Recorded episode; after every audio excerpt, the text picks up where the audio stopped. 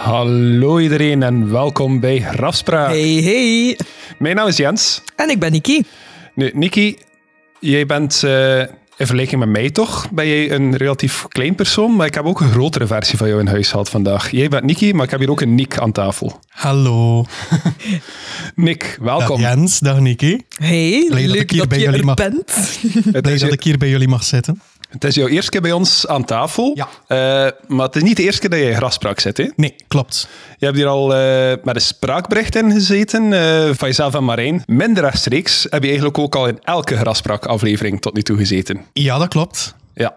Want Nick, jij bent de man die de muziek maakt voor eh Grafspraak. Ik doe daar toch mijn best voor, dat klopt. Voilà, dus iedereen die zich ooit al heeft afgevraagd wie dat die bangers maakt, waarmee dat we elke keer beginnen en eindigen. The one and only. Ja. Bangers, please. En eh, de tapijtjes die meestal onder de cases staan.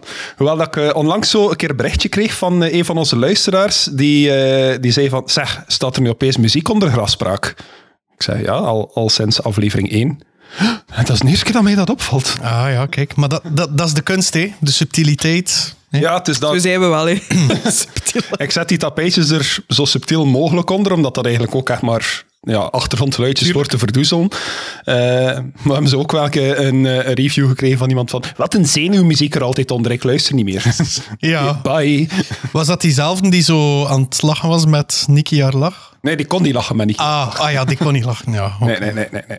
Ik huil nog altijd een beetje. Dat is niet erg. Ik zal een keer een remix maken van uw lach. Hè? Maar eigenlijk, als we, eh, als we nog verder teruggaan, Nick, ben je ook wel een van de redenen dat Graspraak bestaat. Want, ja, ja. Want ja, toen ik eigenlijk al een beetje gestopt was met podcast en radio, heb jij mij er weer een beetje ingesleurd. Hè? Sorry daarvoor.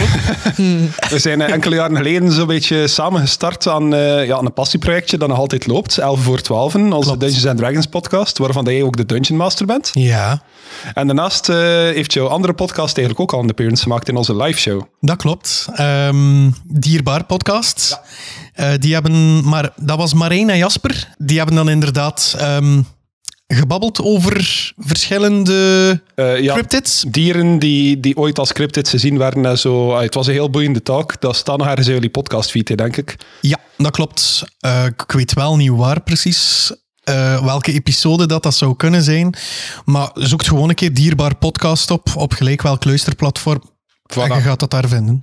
Inderdaad, het is ook een heel leuke podcast voor eh, ja, iedereen die interesse heeft in dieren eigenlijk. Dus eh, ja, ga zeker een keer, eh, ik zou zeggen een kijkje nemen, maar een, een, een oortje gaan leggen. Ja. Hoe moet je dat zeggen? Ja. Kom een keer luisteren. Voilà, kom een keer luisteren. Trouwens, Beest van Gévaudan heb ik Ja. hier ook kort besproken. Ah ja, inderdaad, inderdaad. Ja, daar heb je ook een stukje in gesproken. Ja, want ik weet nog, ik ben nu even heel, ehm, eh, heel behind the scenes aan het praten, maar je had jouw audiostukje eigenlijk ingestuurd nadat wij al hadden opgenomen, dus je hoorde ons zo reageren van, ja, inderdaad, Nick, maar we wisten totaal nog niet wat hij gezegd had. Ik ben blij dat ik pas achteraf beluisterd geweest ben. Dan. maar goed, ehm, we gaan er ook een keer invliegen hè, voor vandaag. Sure. Maar we maken graspraak niet alleen met ons twee of met ons drie in dit geval. Er zijn een hele hoop mensen die ons daarbij helpen.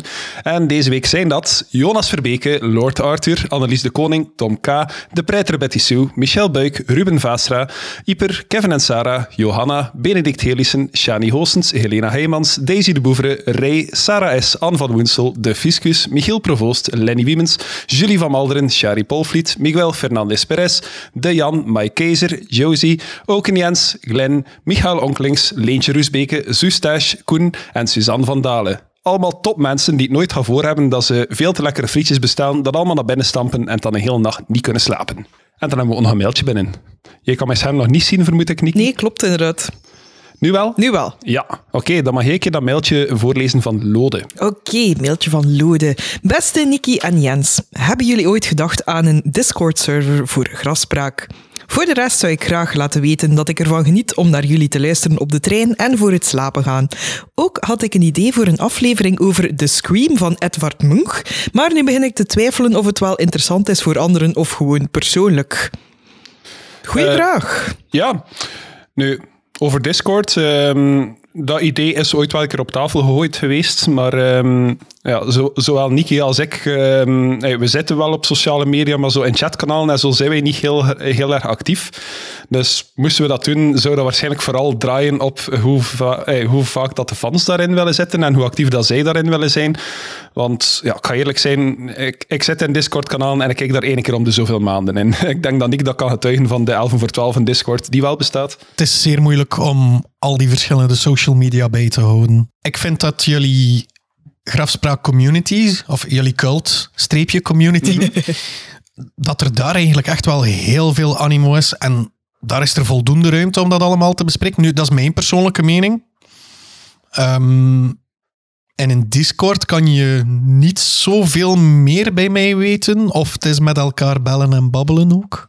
Maar ik moet zeggen, voor mij is dat eigenlijk... Ja, Discord, ik heb dat wel staan. Omdat ik dat ooit een keer... Ik weet niet, dat was voor ons Phasmophobia-aflevering zeker? Voor de livestream, ja. Ja, daarvoor heb ik het gedaan. Maar voor de rest zit ik daar eigenlijk niet op. En ik weet amper hoe dat, dat ding werkt. Uh, ik heb ook geen TikTok of zo. Twitter heb ik ook al lang afgezworen. Dus allee, ja, inderdaad, voor mij persoonlijk, de Grafspraak community, vind ik het leukst van al eigenlijk. Ja, ik denk dat zelf zo in een stuk of dertig Discord-communities zit en ik kijk een nul ervan ooit. Uh, ik gebruik dat ook enkel voor ja, te gamen met de buddies en dat is het eigenlijk. Hè. Ehm, dus ja, een graspraak Discord, als er iemand is die die wil maken en uh, die die wil runnen, go ahead. Ik, we houden dat zeker niet tegen, we hebben er geen probleem mee, maar zelf zouden we er niet actief genoeg in zijn dat we, ja, dat we niet gaan zeggen van hey, we hebben hier een Discord gemaakt en hem daar dumpen en er niet meer naar kijken. Allee, ja, dat wil ik ook niet. Allee, dat je zegt, Nick, er is al zoveel sociale media, we zitten op Facebook en Instagram. Ik heb Twitter al afgezworen. Ik weiger TikTok. Want uh, wij zijn boven de 30. Voilà. Oké, okay, boomers. Zeg de oudste aan tafel. zeg ik ook wel waar. Uh, en over de Scream van Ed Vermunk. Um, ja, ik weet dat er uh, zo'n beetje mysterie mee is van wat is er met dat schilderij gebeurd.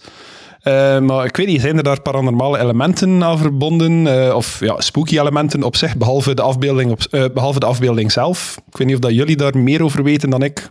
Ik heb er eerlijk gezegd nog niets over gehoord in elk geval. Ik zou het wel een keer kunnen researchen. Als ik er iets over vind, wil ik dat gerust doen en dan een keer als case voorleggen. Het is wel grappig, want ik heb letterlijk deze week nog met een paar uh, kousen met die print in mijn handen gestaan. Maar het was 11 euro, dus ik kon niet over mijn hart krijgen. Sorry, Ed Varmunk, dat ben je ook niet waard. Oké, okay, laten we eens een keer in uh, de case van vandaag vliegen. Hè? Hoewel, nee, er is nog één puntje dat we vergeten. 20 mei 2023. Ik weet, ik had het al heel vaak gezegd, maar dan doen we onze liveshow in OC de Kleine Beer. Tickets nog steeds te krijgen op raspraak.be. En nu gaan we de case vliegen. Ik breng jullie terug naar het jaar 1492. En toen was er een schip dat reeds drie maanden aan het varen was. Dus ze waren aan het varen, maar de navigatieofficier en de stuurman die waren eigenlijk allebei heel nerveus. Het land waar ze naar op zoek waren, dat had eigenlijk al lang in zicht moeten zijn. Ze waren nieuwe wateren aan het verkennen, die, voor zover ze eigenlijk wisten, nog maar zelden of nooit verkend waren geweest. En een kompas was, daar bovenop ook nog een keer aan het flippen. Het kon niet bepalen waar dat het noorden was. En ja, ze waren dus een beetje het noorden kwijt en uh, ze gingen naar hun kapitein. Een man genaamd Cristobal Colon. En ze wouden hem het nieuws geven. Nu, Colon die wou het nieuws niet moeten brengen als zijn crew. Die waren al op een ongemak, ze waren al drie maanden op zee. De sfeer was al niet meer zo aangenaam. Ja, zoals ik zeg, ongekende wateren. De mensen hadden ook een beetje schrik. Het waren bijgelovige tijden toen. En ja, het was, een, het was hen al enkele dagen opgevallen dat de kompassen vreemd aan het doen waren. En hoe verder ze richting het oosten trokken, hoe meer dat, dat leek te gebeuren. Colon die zou beslissen dat ze moesten varen op hun eigen zintuigen. De kompassen laten voor, voor wat dat ze zijn. Nu, op 15 september van 1492 zou er iets heel vreemds gebeuren. Volgens de logboeken van het schip zag de bemanning plots een vreemd vurig licht aan de hemel. Een cirkelvormig object dat leek op te stijgen uit de oceaan. Nu, dat komt uit de logboeken van dat schip. Verder is er daar heel weinig over geschreven, over die vurige bal. Want het schip waar we nu over spreken, misschien hebben jullie het al een klein beetje kunnen raden over welk schip dat we het hebben. De Titanic. Ja, de Titanic. Nee, het schip heet de Santa Maria. En uh, die zou samen met haar twee zusterschepen wel land kunnen vinden. En hun kapitein, uh, Cristobal Colon, die staat hier meer bekend als Christopher Columbus. En ja, dat zou uiteraard wel een naam worden die heel de wereld kent. Door het ontdekken van de nieuwe wereld, zijnde Amerika, zouden de details zoals het lichtgevend object, de kompassen die, die raar doen, al snel vergeten worden. Maar wat ze niet wisten, was dat de momenten dat ze die zaken meemaakten en de plaats waar dat ze die vurige cirkel zagen, dat dat een plek was die even later een heel bekende naam zou krijgen die iedereen ter wereld kent. De Bermuda-driehoek. Nu, we spreken hier over een stuk oceaan dat ligt tussen Miami, Puerto Rico en Bermuda. Dat, kon je misschien al, eh, dat laatste kon je misschien al afleiden uit de naam. Eh, het grenst effectief aan Bermuda.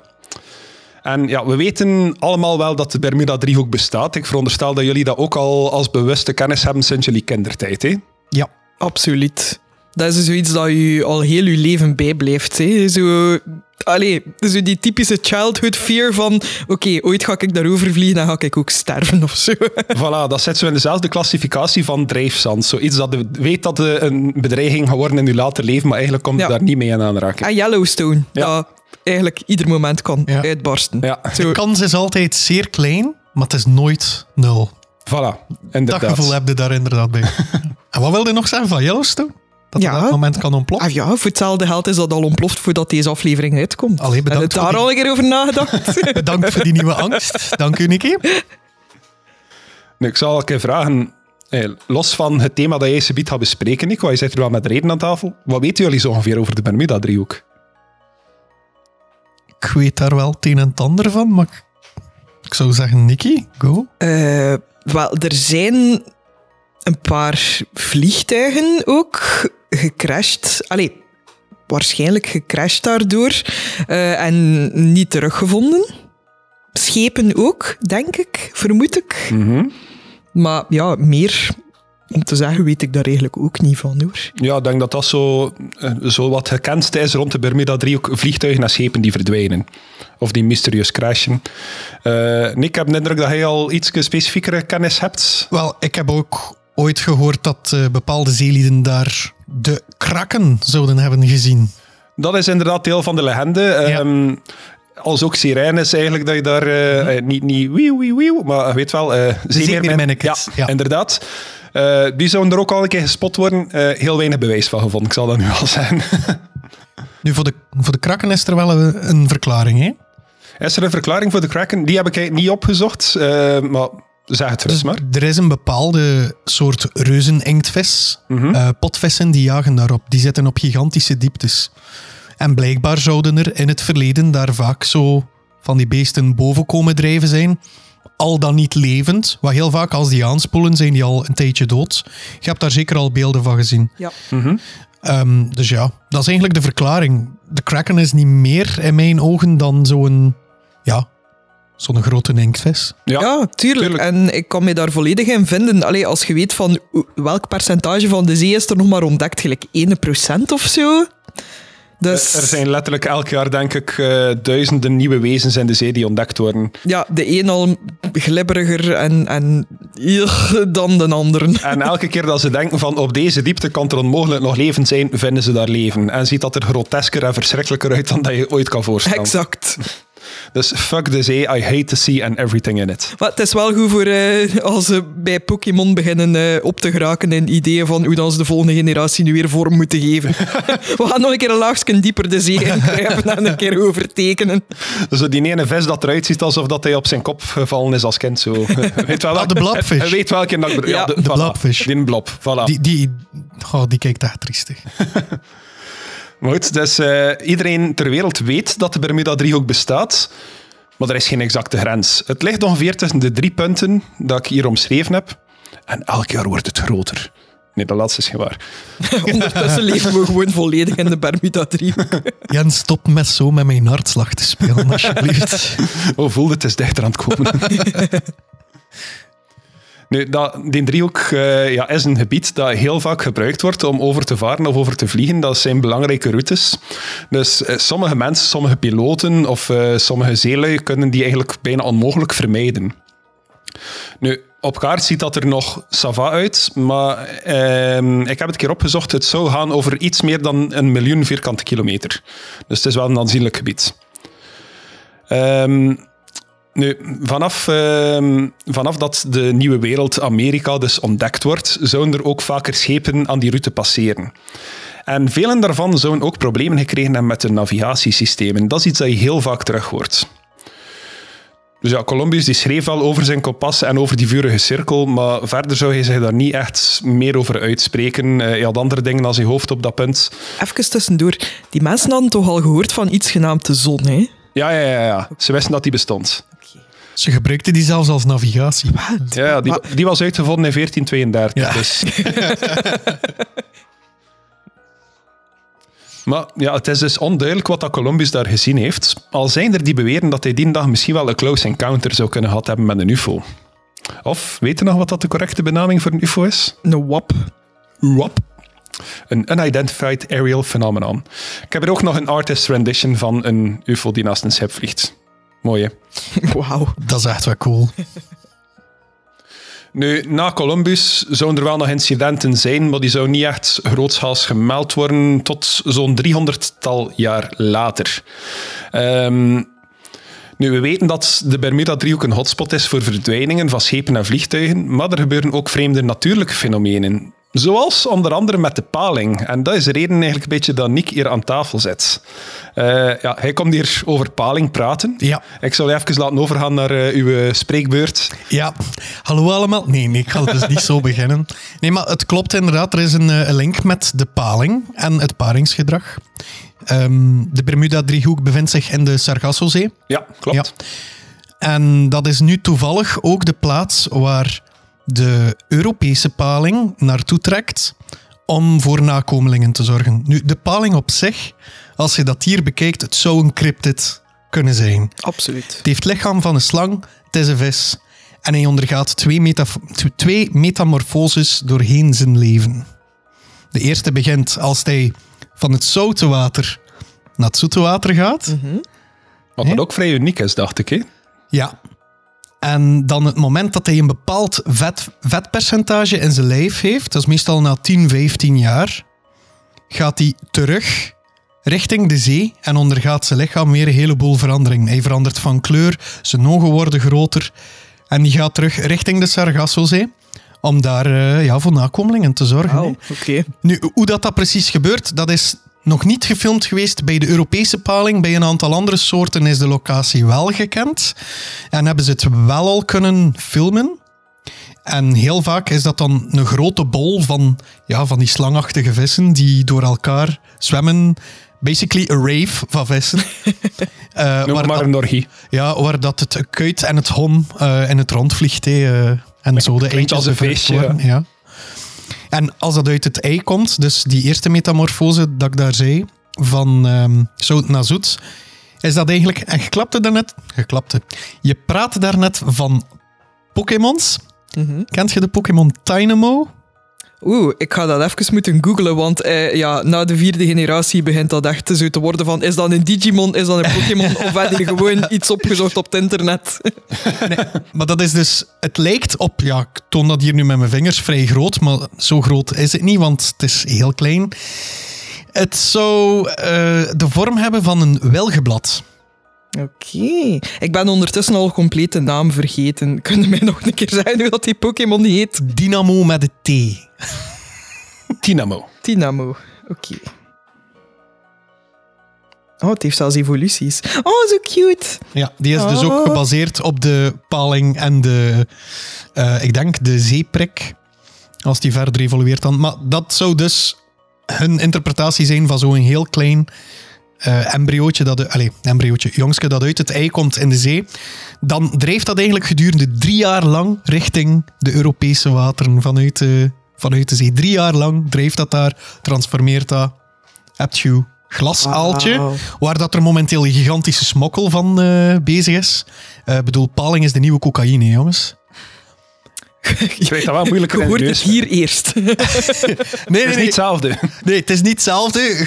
Um, er zijn bepaalde dieren al gezien met een paling in hun neus, maar wat, dat was puur toeval. Mhm. Mm -hmm. um, maar um, ja, nee.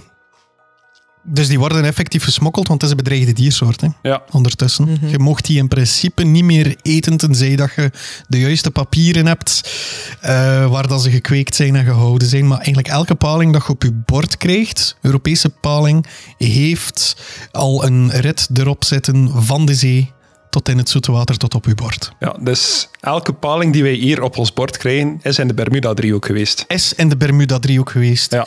En zo zal binnenkort onze overlord, de paling, over iedereen Wauw. heersen die... Nee, het is gewoon. Het is. Oké, maar dat is wel het coolste stuk trivia dat ik nu heb om iedereen dat ik leer kennen direct een ongemakkelijk gevoel te geven. Want ik, dat je al vis uit de Bermuda-driehoek zo, ik kan geen smalltalk voeren, maar ik kan wel zo nutteloze feitjes opzommen. Zie je al als je niet zo'n people person bent. Paling. nee, maar, eh, de paling is ook een beetje de reden dat ik, eh, dat ik op deze case terechtgekomen ben. Want allee, ja, dat, dat zat wel ergens altijd achter in mijn hoofd. Want ik had altijd schrik van de Bermuda-driehoek. Eh, maar ik was een artikel tegengekomen die, die ook omschreef van elke paling, wanneer dat ze... eh, gewoon eh, wat een raar leven dat de paling eigenlijk heeft, dat ze op een bepaald punt terug, eh, terugreizen naar de Bermuda-driehoek om daar hun eitjes te leggen of zo. Dat ook niet duidelijk is hoe dat ze bevrucht raken onderweg en dat ze eigenlijk zichzelf ook, als ik me niet vergis, dat ze eigenlijk ook doodgaan wanneer dat ze bevallen. Hè? Ja, een keer dat ze dan de eitjes vrijgekomen zijn, sterven de palingen. En dat is, eh, dat is ook zo goed als onzichtbaar zijn wanneer dat ze geboren worden. Ja, die, Ja. Dat, dat lichaam is, Ja. is doorzichtig. Vandaar ook de naam glasaaltjes dat vaak gebruikt wordt. Of het, uh, het, het welgenblaadje. Ja. Omdat dat ook... Dat is plat, hè. Dat jongsken als dat eruit komt. Ja, dus ik had eigenlijk eerst een uur over paling zitten lezen en dan ben ik beginnen onderzoeken over de rest van de Bermuda-driehoek. Ah, wel, maar er zijn zoveel interessante weetjes en anekdootjes over de eh, anekdootjes, anekdotes over de palingen. Ehm, ik begon erover tegen eh, ook een luisteraar, ehm, Evelien, shout-out naar Evelien. En zij begon erover dat haar vader een... Paling is. Nee, hij was, eh, wat was het weer, logistiek medewerker bij een depanagebedrijf of zo. En die gaat regelmatig ehm, wagens uit het kanaal gaan halen en zo. Blijkbaar zat er in een van die wagens nog een lijk. En werd hij dus volledig aangevreten door eh, palingen. Mhm. En daar stopt het niet, want die moest mee met de brandweer. Maar de andere wagens die ze eruit hebben gehaald, want blijkbaar liggen er veel wagens in een kanaal, die moeten ze stockeren. Dus ze hadden die gestockeerd en een aantal dagen later gaan ze terug binnen in die garage waar dat, dat gestockeerd wordt en lag er op de vloer palingen, nog steeds levend. Oh, Ja. wel, ik kan daar dan alleen maar op zeggen, eh, I for one, welcome our eel overlord. Ja, wel. Ik weet nog dat ik zo ooit een keer een nachtmerrie had. En ik werd zo door allemaal glibberige, ja, palingachtige wezens ook aangevallen. Eh, maar het rare was, die hadden de kop van voor en de kop van achter, die waren like hetzelfde. En dat was een heel rare palingdroom. Te veel hentai, Jens. Te veel hentai. Nicky snapt hem en zit gewoon mijn schaap naar de ik grond te snap kijken. hem, want het ergste is dat ik ook al tien minuten op een palingpun zit te denken. It's a Ik had, hem, paling. ik had hem door, ja, maar ik heb hem straal genegeerd. Want ik zat al te denken aan hentai en zo van Jens die aan palingen en... Ja, oké. Ja, it's a paling. en dit was graspraak. Dat, dat was een binnenkopperke. Schoon gedaan, schoon gedaan. Eh, dan had ik ook nog één andere anekdote. Oké. Heel vreemd, het is de laatste, ook van de luisteraar trouwens, van Lisa. Shout-out naar Lisa.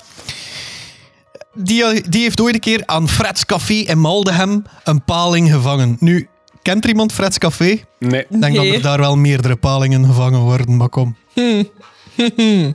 If you catch my Ja. ja, dat was het enige wat dat ze zei daar ook had aan toe te voegen. Dus. Deze aflevering gesponsord door Fred's Café in Nee, Maldegem. nee, nee, nee. Bestaat dat nog? Ik weet Ja, het ik weet het dat niet. ik ben drie keer in mijn leven in Maldegem geweest, denk ik. Dat is meer dan voldoende. Ja. Wel, nee, dat is gewaar. Mijn tante heeft daar nog gewoond. Ik ben er wel nog geweest. Sorry, Maldegem. Shout-out naar alle luisteraars in Maldegem. Goed, laten we verder gaan. Nu gaan we naar het jaar 1840. En daar eh, bespreken we een Frans hip dat de Rosalie heet. Nu, de Rosalie die zou vertrekken vanuit Hamburg in Duitsland langs een gekende route. Ze varen langs de Atlantische Oceaan richting Havana. Ze hadden een lading mee van wijn, fruit, zijde en dieren. De kapitein kende de route, de bemanning die was ervaren. Het zou eigenlijk een, ja, een normale rit moeten zijn voor hen. Ze hebben het al zo vaak gedaan, geen enkel probleem. En enkele maanden lang was er geen enkel nieuws van de Rosalie. Maar ja, niemand maakte zich zorgen, want het is 1840. Het is niet dat je gemakkelijk contact kan leggen vanuit de oceaan, dus dat was normaal. Ja, hoe lang duurde dat ook niet? Daar zijn toch gemakkelijk gelijk een half jaar voor onderweg dan, of zo? Ja, wel. Wat dan mij dan verbaast, dat die fruit aan het vervoeren zijn eigenlijk. maar kom. Uh, maar ik denk dat dat zo meer zo tegen de scurvy was. Tegen uh, scheurbuik zeker in ja. Nederland? Ja. ja. Uh, dat ze appelsine moesten meenemen op hun boot. Hè. Maar goed, ja, dus ze vertrekken. Een paar maanden lang geen nieuws. En plots op 27 augustus 1840 kwam er een brief aan. Die zou gepubliceerd worden in de London Times. A singular fact has taken place within the last few days. A large French vessel bound from Hamburg to the Havana was met by one of our small coasters and was discovered to be completely abandoned. The greater part of her sails were set, and she did not appear to have sustained any damage. The cargo, composed of wines, fruits, silks, etc., was of very considerable value and was in a most perfect condition. The captain's papers were all secure in their proper place. The soundings gave three feet of water in the hold, but there was no leak whatever. The only living beings found on board were a cat, some fowls, and several canaries half dead with hunger. The cabins of the officers and passengers were very elegantly furnished, and everything indicated that they had been only recently deserted. In one of them were found several articles belonging to a lady's toilet, together with a quantity of ladies wearing apparel thrown hastily aside, but not a human being was to be found on board. The vessel, which must have been left within very few hours, contained several bales of goods addressed to different merchants in Havana. She is very large, recently built, and called the Rosalie. Of her crew, no intelligence has been received. Dus in het Nederlands, wat heb je net gelezen? Het schip is gevonden in eigenlijk volledig perfecte staat. En alles is eigenlijk nog in orde. Er staat wel een beetje water in. Maar er is gewoon geen enkele levende ziel te bekennen. Behalve de dieren. Behalve de... Die, die zijn nog perfect in orde. En het lijkt eigenlijk een beetje alsof dat schip nog maar net is achtergelaten. Hè? Alles ligt er zo nog redelijk recent. De Canaries zijn een beetje uitgehongerd, maar voor de rest... En ik heb ook wel ergens een anekdote gevonden dat die, dat die kat maar uh, suspicious aan het kijken was. uh, maar ja, dat is eigenlijk al een van de eerste grote mysteries van de Bermuda-driehoek. Wat is er gebeurd met de Rosalie? Geen schade geleden, volledig verlaten en een waardevolle inhoud die nog volledig aanwezig is. Piraterij kon dus eigenlijk al uitgesloten worden. En ja, voor de rest niets van leven aan boord. Maar waarom zou een kostbaar schip vol met waardevolle voorwerpen achtergelaten worden? En waar was de crew? Ik zei het al, piraterij kan niet, muiterij was niet logisch, want ja, waarom zouden ze die boot dan niet meepakken of het gerief verkopen? En mocht het een geval zijn van een ziekte die uitbreekt of zo, dan zouden er lichamen aan boord liggen. Het lijkt gewoon alsof al die mensen gewoon in rook opgegaan zijn. Pa. Palingen, hè, jongens. Voilà. palingen, hè. Sorry. Allemaal voer voor het paringsgedrag van de paling. Probeer dat ik het tien keer achter elkaar te zeggen. Palingparing. Maar als je dit verhaal van de Rosalie opzoekt, dan ga je heel vaak ook het verhaal van de Ellen Austin tegenkomen. Omdat dat twee verhalen zijn die heel vaak verward worden met elkaar. Al ligt er 40 jaar tussen. Hier zie je een kunstwerk van uh, de Ellen Austin. Het is een boot. een haljoen, denk ik dat dat heet, zo met, met drie masten. En uh, ja, Sea of Thieves noemt dat een galleon, dus ik ga zeggen dat het een galleon is. Meneer speelt Sea of Thieves en hij denkt dat hij alles kent van piraten. Shiver my timbers. De Ellen Austin was een schip dat in 1881 van Liverpool naar New York zou vertrekken. Het schip vervoert uh, Britse passagiers richting, uh, richting Amerika. En het was reeds enkele weken onderweg wanneer, de, wanneer dat de kapitein plots een shortcut besloot te nemen door de Sargasso Zee. Een route die door de, door de Bermuda-driehoek zou varen. Kort daarna zouden de kapitein en zijn bemanning een ander schip zien dobberen. En op het eerste zicht leek dat volledig verlaten. Nu, ze houden een dag of twee afstand van die andere boot, maar ze zien geen enkel teken van leven. Ze dachten van het zijn piraten die ons in de val willen lokken of zo, we gaan, we gaan niet te dicht gaan. Maar twee dagen lang gewoon stilte op die boot. Na twee dagen gaan enkele van de bemanningsleden aan boord en vonden ze dat schip volledig verlaten. De vracht was nog volledig intact aan boord. Er was geen schade, geen teken van geweld, geen klaar duidelijke reden waarom dat iemand dat schip zou verlaten. De kapitein die zou enkele van zijn mannen aan boord laten om dat schip mee te laten varen naar New York. Kort daarop komen ze echter in een storm terecht en worden ze gescheiden van elkaar. De storm klaart op en de Ellen Austin ziet dat ander schip terug. Ze varen er weer naar en de crew die ze erop hebben achtergelaten is ook weg. Ik vraag me wel af, eh, ja, natuurlijk op... ehm, allee, onder de crew van schepen is er natuurlijk ook veel bijgeloof en zo. Maar bestond, allee, bestond die legende van de Bermuda-driehoek op dat punt al? Wisten zij al? Werd dat toen al doorgegeven of nog niet? Nee, op dat punt was er nog geen sprake, want straks gaan we, eh, gaan we zien wanneer dat de naam de Bermuda-driehoek zelfs voor de eerste keer gebruikt is, of wanneer dat mensen die mysteries zijn beginnen verbinden met elkaar. Maar dat is eigenlijk heel recent. Ik denk voor de jaren 60 dat er nog niemand was die zo al die dingen een keer is samengegooid en gekeken heeft van er is dat toch iets gaande. Maar dus ja, de crew die ze hadden achtergelaten, die was ook verdwenen nu. En nu besloot die kapitein om dat schip ook volledig achter te laten, uit schrik om nog meer van zijn mannen te verliezen. Het schip en de bemanning die zouden nooit meer teruggezien worden. En ja, dat is een van de bekendste eh, incidenten nog uit de 19e eeuw. Maar de meeste incidenten, of al sinds de bekendste, zijn allemaal gebeurd in de 20e eeuw. De eerste dat we daarvoor gaan bekijken is de USS Cyclops. Dat is het dat je hier ziet. Zo'n naam, kerel. Ja, ja, maar, De Cyclops.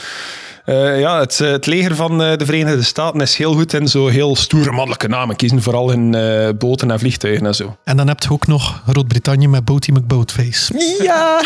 Hebben ze onlangs ook niet zo'n duikboot de naam gegeven? Oh, ik ga dat een keer opzoeken. En intussen gaan wij verder. Ehm, dus de USS Cyclops, dat was een groot vrachtschip van het Amerikaanse leger. En eh, ja, het was een model van boot dat in 1910 gebouwd was met als specifieke doel om heel veel vracht te kunnen vervoeren. Dat was heel handig voor zo erts en steenkool en zo te vervoeren. Eigenlijk heel grote ladingen, zware ladingen.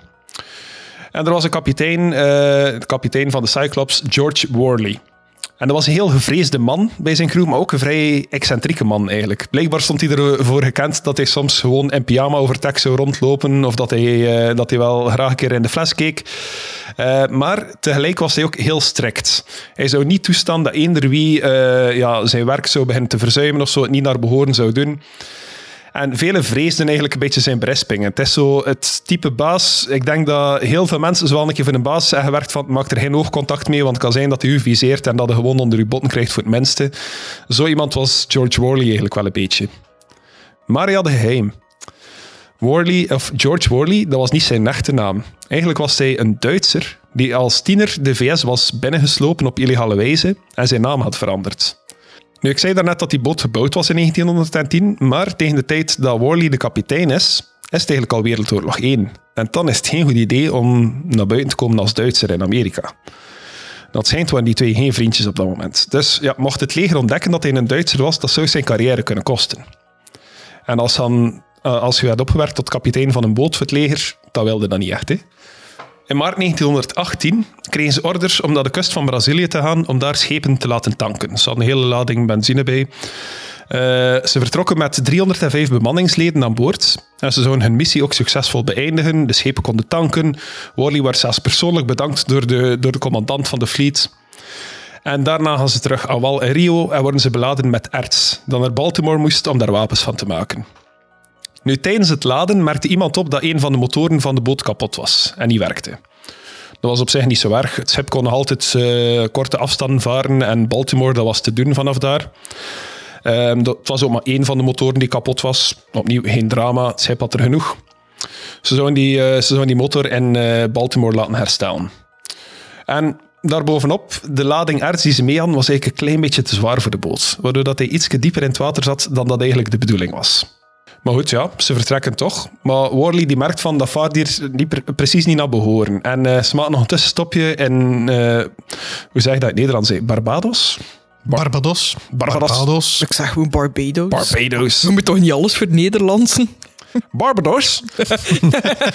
Oké dan. Dat klinkt als een tekenfilmfiguur. Ehm maar dus, ze stoppen in Barbados om eh, alles nog eens na te kijken. Ze verlaten Barbados en gaan richting Baltimore. En, eh, Dat moet je nu ook wel voor Nederlands nemen. Baltimore. Baltimore. Zo Baltimore, hè. Eh, dus ze verlaten Barbados en ze gaan richting Baltimore. En Baltimore. Voldemort, Baltimore. The place that will not be named. Baltimore. ze volgen een route die door de Bermuda-driehoek gaat. Ehm, ja, ze zijn nog altijd aan het communiceren natuurlijk met, met basis, met andere schepen. En hun laatste bericht zou zijn: Weather fair, all well. Mooi weer, alles is goed. Daarna wordt er nooit meer iets gehoord van de USS Cyclops. Het Ah, nee, tuurlijk niet. Dat bericht was door die palingen opgesteld. Ah, Palingen. Hoe wist hij mijn conclusie al? het schip werd nooit teruggevonden. Tot op heden is dat het grootste verlies aan levens dat de Amerikaanse marine ooit geleden heeft ten tijde van oorlog. Er is nooit een wrak gevonden, er is nooit een noodsignaal gestuurd. Niemand, maar dan, niemand weet wat dat ermee gebeurd is. Nu moet ik wel zeggen, de Cyclops had nog drie sister ships, dus identieke modellen die tegelijk gebouwd worden, zoals dat, met de Titanic ook zo was. Eén daarvan zou gezonken worden in oorlog en de andere twee verdwenen ook op mysterieuze wijze. Dus misschien ligt het gewoon aan de kwaliteit. Ik wil dat maar even meegeven. Je hebt eigenlijk heel veel, moet het zeggen, Ehm, onderdelen gegeven die een oorzaak zouden kunnen zijn van de verdwijning. Ja, ja, ja. Was de strategische zet van de Amerikaan, hadden ze, nee, niet van, sorry, van de Duitsers, vraag Ja. ik? Of was, was ehm, Worley een, een collaborateur? Dat ging mijn volgende zinnetje zijn. Ah, is het echt? Oh, sorry dat ik Ah, voorloop. nee, nee, Nee, ik oké, had dat is oké, ik is het, eh, een volledig terechte vraag. Nee, ik had het zelfs niet gelezen, Jens, op dat scherm voor ons. Nee, echt niet. ja, maar stel je voor dat het echt zo diep gaat dat de eerste echt jarenlang maakt dat het gewoon Ah, kunt schoppen tot kapitein en dan zo'n dikke fuck you te geven. Ja, maar Zo echt al twintig jaar voor de oorlog, voordat er nog maar sprake was van de oorlog. Dat al van plan zijn. Ja, maar nee, er zitten inderdaad wel heel veel aspecten in die, die het zouden kunnen verklaren waarom dat die weggegaan is. Die kapotte motor, te zwaar beladen. Ja, wel, ik zal zeggen, in, in veel van de cases dat ik hier ga vertellen, ga ik, ga ik eigenlijk al een beetje debunken terwijl dat ik het vertel. Omdat ik merk dat de meeste artikels dat je online opzoekt, gaan alles afdoen als een heel groot mysterie. Maar als je het dan zelf een beetje verder begint op te zoeken, zie je dat er eigenlijk heel realistische verklaringen zijn. Net als bij de USS Cyclops. Ja, ze laten het open voor suggesties. Hè. Ja. En zoals dat u ook zegt, vanaf de 20e eeuw beginnen er meer gevallen te zijn. Maar het is natuurlijk ook op industrieel vlak zijn er veel meer schepen en vliegtuigen gemaakt geweest. Dus is het ook logisch dat er meer crashes en zo gaan beginnen zijn. Ja. Denk ik dan. En ja, natuurlijk, ik denk dat iedereen van ons ook wel weet van een industrie kan er heel professioneel en gespecialiseerd uitzien vanaf de buitenkant. Maar een keer dat je er zelf in zit, dan zie je hoeveel gebreken en hoeveel geklungel dat er eigenlijk behind the scenes gebeurt in zowat elke branche. Net als in de branche van mensen die schepen maken. Nu, ik hoop eh, voor jullie luisteraars dat er niemand net onderweg is op een cruise of zo. Anders veel succes ermee. nu, ik zit hier ook al heel de tijd met mijn gsm klaar. Hè, want Ja, we hadden vertel het over Boaty McBoatface. Ehm, dat was dus inderdaad een onderzeer. Maar blijkbaar was er ook een Royal Air Force ehm, vliegtuig dat genoemd is. Nick, jij moet hem anders voorlezen. Wacht, ik ben hier aan het zoeken.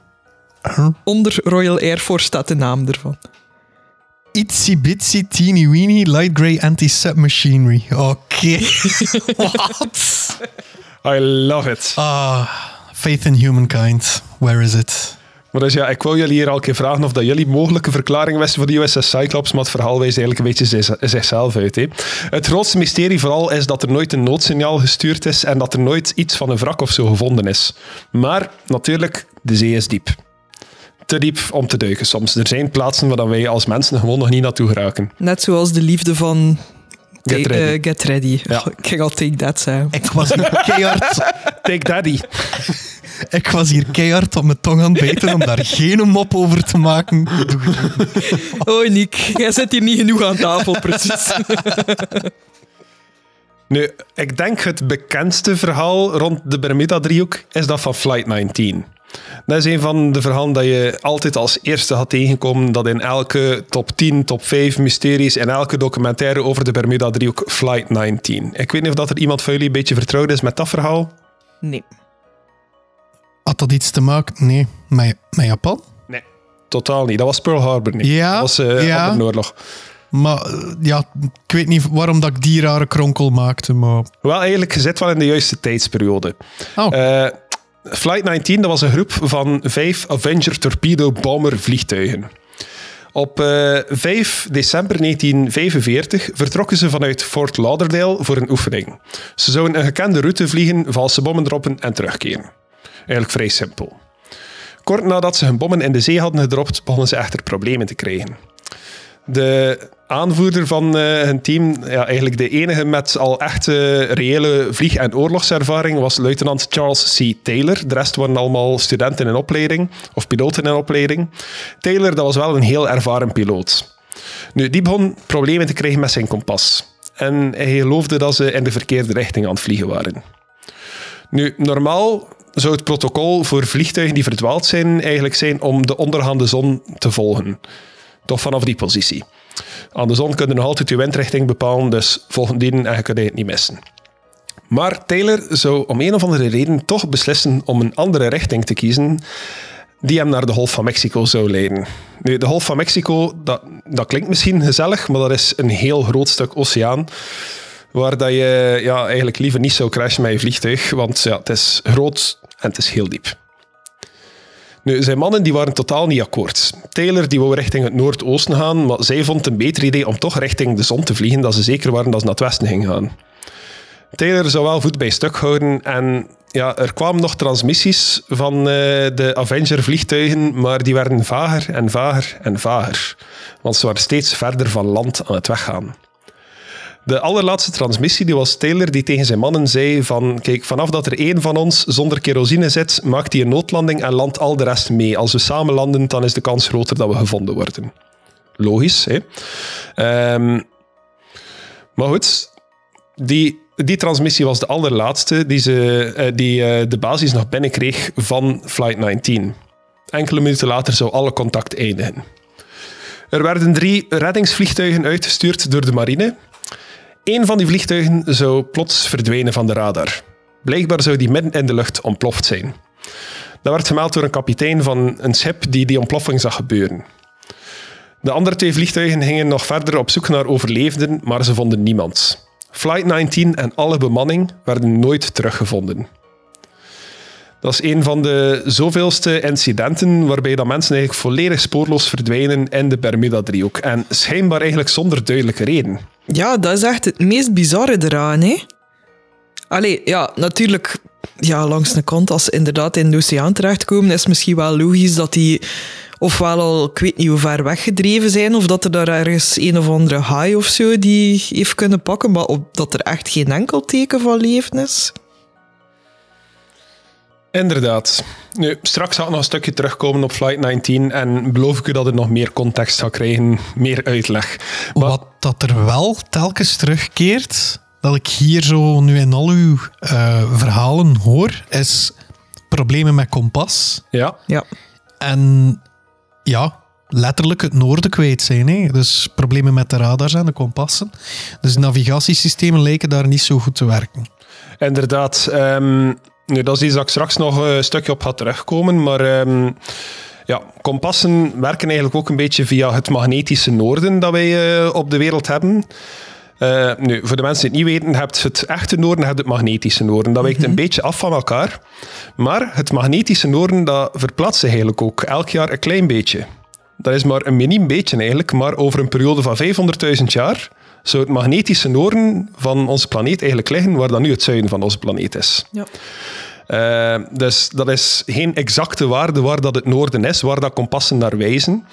Maar dat werkt dus wel via magnetisme. En elektromagnetisme uh, ja, kan ervoor zorgen dat een kompas verstoord raakt of zo. Dus in theorie rond de Bermuda-driehoek is dat er daar een heel zware elektromagnetische lading ligt die ervoor zorgt dat die kompassen beginnen te flippen maar ik al veel van uh, mijn conclusie aan het weggeven op oh, dit sorry Jens. Nee, nee, nee, nee, nee. Het is een gesprek, niet. Ja? Niet omdat mijn tekst in die volgorde staat dat we ze moeten volgen.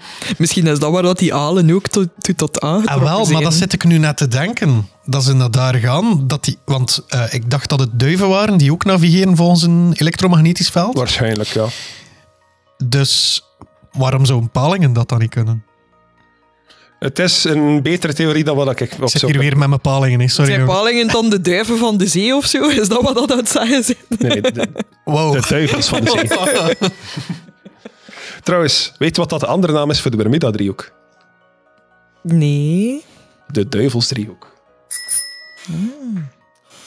Ik wou dat nog zeggen in bij, ik was het vergeten. Dus dank u, Ricky. Dat klinkt zoveel cooler. Ja, de duivelsdriehoek. Vanaf nu blijven we dat zo noemen. Nu, in de komende jaren zouden er nog heel veel verdwijningen zijn in de, in de Bermuda-driehoek. Of de, de, ik kan het niet meer zeggen, want die knop zit te ver. Tussen 1946 en 1950 zouden er nog zo'n 12 vliegtuigen spoorloos verdwijnen, waar dat er nooit een spoor van teruggevonden is geweest. Ja, ik zei het al, spoorloos. Uh, maar na al die verdwijningen waren er uiteindelijk toch wel mensen die zich vragen begonnen te stellen.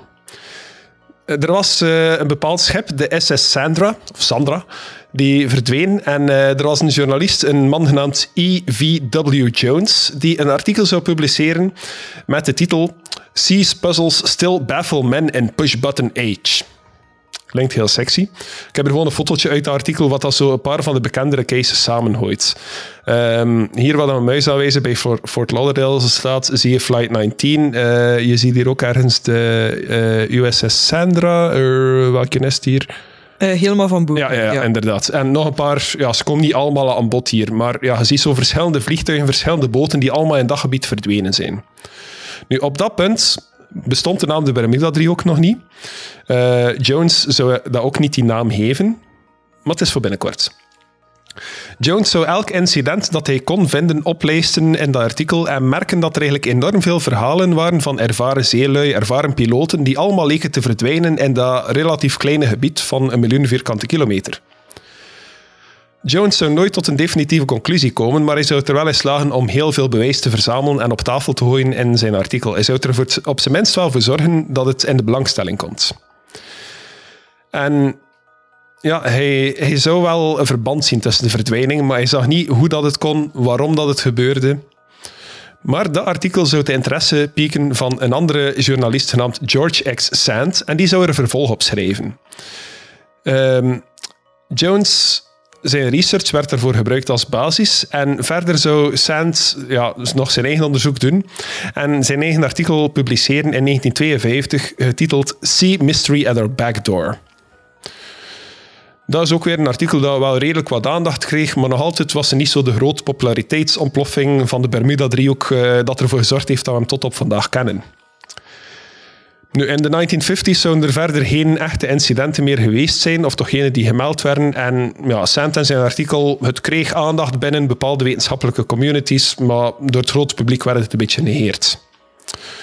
Het zou vrij stil blijven rond de Bermuda-driehoek tot in februari 1964, wanneer een man genaamd Vincent Caddis een artikel schrijft uh, in een magazine genaamd Argosy.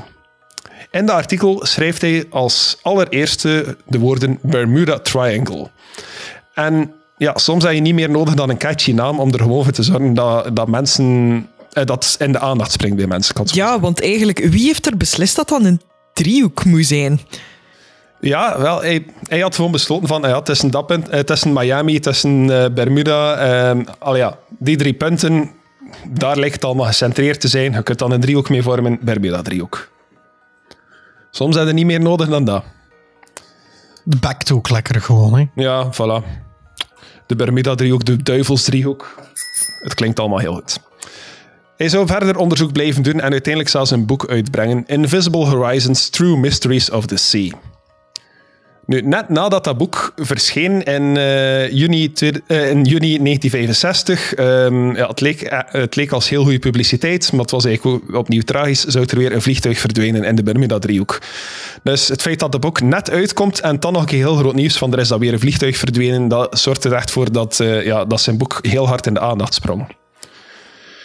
Dat was vlakbij de kust van Florida en zou ook een van de zeldzame gevallen zijn waar dat er nadien toch wel iets van puin is komen aanspoelen. Wat dan meestal niet gebeurde als er dingen verdwenen in de Bermuda-driehoek. In december van datzelfde jaar zou er nog een klein vliegtuig met één passagier zijn die gewoon volledig verdwijnt tussen Fort Lauderdale en Grand Bahama Island. En de laatste vliegtuig zou ook weer volledig spoorloos zijn. Maar waarom gebeuren al die zaken in de Bermuda-driehoek? Als we het los van alles aliens. bekijken... Ja, aliens en paling. Uh, als we het los Aliens. Aliens. Aliens. Oké, okay, case closed. Tot volgende week. Bye. Voilà. Maar dus als we het los van alles bekijken, is de Bermuda-driehoek gewoon een stuk oceaan. Is er geen enkele reden waarom dat gevaarlijker zou moeten zijn dan andere stukken van de oceaan. Door de jaren heen zijn er natuurlijk al verschillende theorieën gesteld. De ene al een beetje wetenschappelijker dan de andere. Sommige zijn dat de wetten van de zwaartekracht een beetje anders werken. De andere theorie, aliens. Soms, eh, misschien zijn het vijandige aliens. Misschien eh, die mensen hebben nagevallen. Misschien zijn het goedaardige die mensen gered hebben van de verdrinking. Ik weet het niet, maar aliens. Een andere theorie komt van een man genaamd Edward Case. Dat was een helderziende en die overleed in 1945. Nikki steekt haar vinger op. Eh, In uw nota staat er Edgar, het Edward gezegd. Sorry, Edgar. Edgar Case dus, ja, Nicky heeft gelijk. Ehm, maar dus, Edgar Case, dat was eh, een helderziende die overleed in 1945. Hij had destijds heel veel volgelingen, zelfs tot na zijn dood. In de jaren 60 zou een van zijn voorspellingen terug naar boven komen. Zijn voorspelling was namelijk dat Atlantis zou gevonden worden in 1968, dat het zou opstijgen uit het water. Er waren veel van zijn lezers, veel van- zijn volgelingen, die geloofden dat er een link was tussen Atlantis en de Bermuda-driehoek. Dat al die verdwijningen eigenlijk een soort voorbode waren voor de terugkeer van het gezonken continent. Nu, Nicky, ik heb u al heel uitvoerig verteld over Atlantis. eh, ik denk een zestigtal afleveringen geleden. Ja. Vertel ik je alles dat nog weet. nee, nee, dat is jammer. Eh, nee. Maar ja, het is dus een van de mogelijke theorieën dat er ergens een verband is tussen Atlantis. Misschien dat er daar iets zit dat de elektromagnetische eh, krachten rond de Bermuda-driehoek verstoort. Wie zal het zijn? Ik heb Atlantis nog niet gevonden. Wat ik nu ook heel een tijd zit te denken, is zo van... Als je Atlantis op de wereldbol zou bekijken, wat staat er dan zo aan de exact andere overkant ook? Dat begint mij ook wat te intrigeren. Maar is er een locatie van Atlantis geweten? Eh, wel, ik Eh, mij ja. misproken, ik bedoel van de Bermuda-driehoek natuurlijk. Sorry, ik heb, mij, ik heb mij misschien misproken daarnet. Ja, je zei Atlantis. Ja, ja. Nee, want van Atlantis weten we wel, dat was rond de golf van Gibraltar dat er gezegd wordt, hè, dat zich zo... Ja, en de, in de aflevering over Atlantis, inderdaad, was dat een van de theorieën dat er zo een stuk mudflats tegenwoordig is aan de Golf van Gibraltar, waar dat je zo'n beetje die concentrische ringen van Atlantis kan in terugzien als je bodemscans doet. Ja. Is dat ook daar dat ze die... eh, ja, we beginnen nu over Atlantis, sorry. ja, nee, maar het hoort erbij. Waar dat ze nog die eh bouwsels van bepaalde wegen of bepaalde routes nog hebben teruggevonden. Also een paar meter onder de zeespiegel. Eh, nee, dat denk ik niet. Of toch niet, toch niet in de theorieën dat ik teruggevonden heb. Maar Oké. eh, Atlantis is al gepinpoint geweest op heel veel verschillende locaties op de wereldkaart, denk ik. Dus eh, ja. Ja. Wat, ik bedoelde dus eh, met de, de Bermuda-driehoek, of dat er ook zo'n anti-Bermuda-driehoek aan de exact andere kant van de wereldbol zou zijn. Eh, ben de, dan top zo. de driekwartsbroek vierkant. Stop stealing my jokes out of my mind. Ik was net denken. De Marshalleke cirkel. De Marcelleke Cirkel. Dat is een moshpit op een slagerfestival. De flip-flop parallelogram.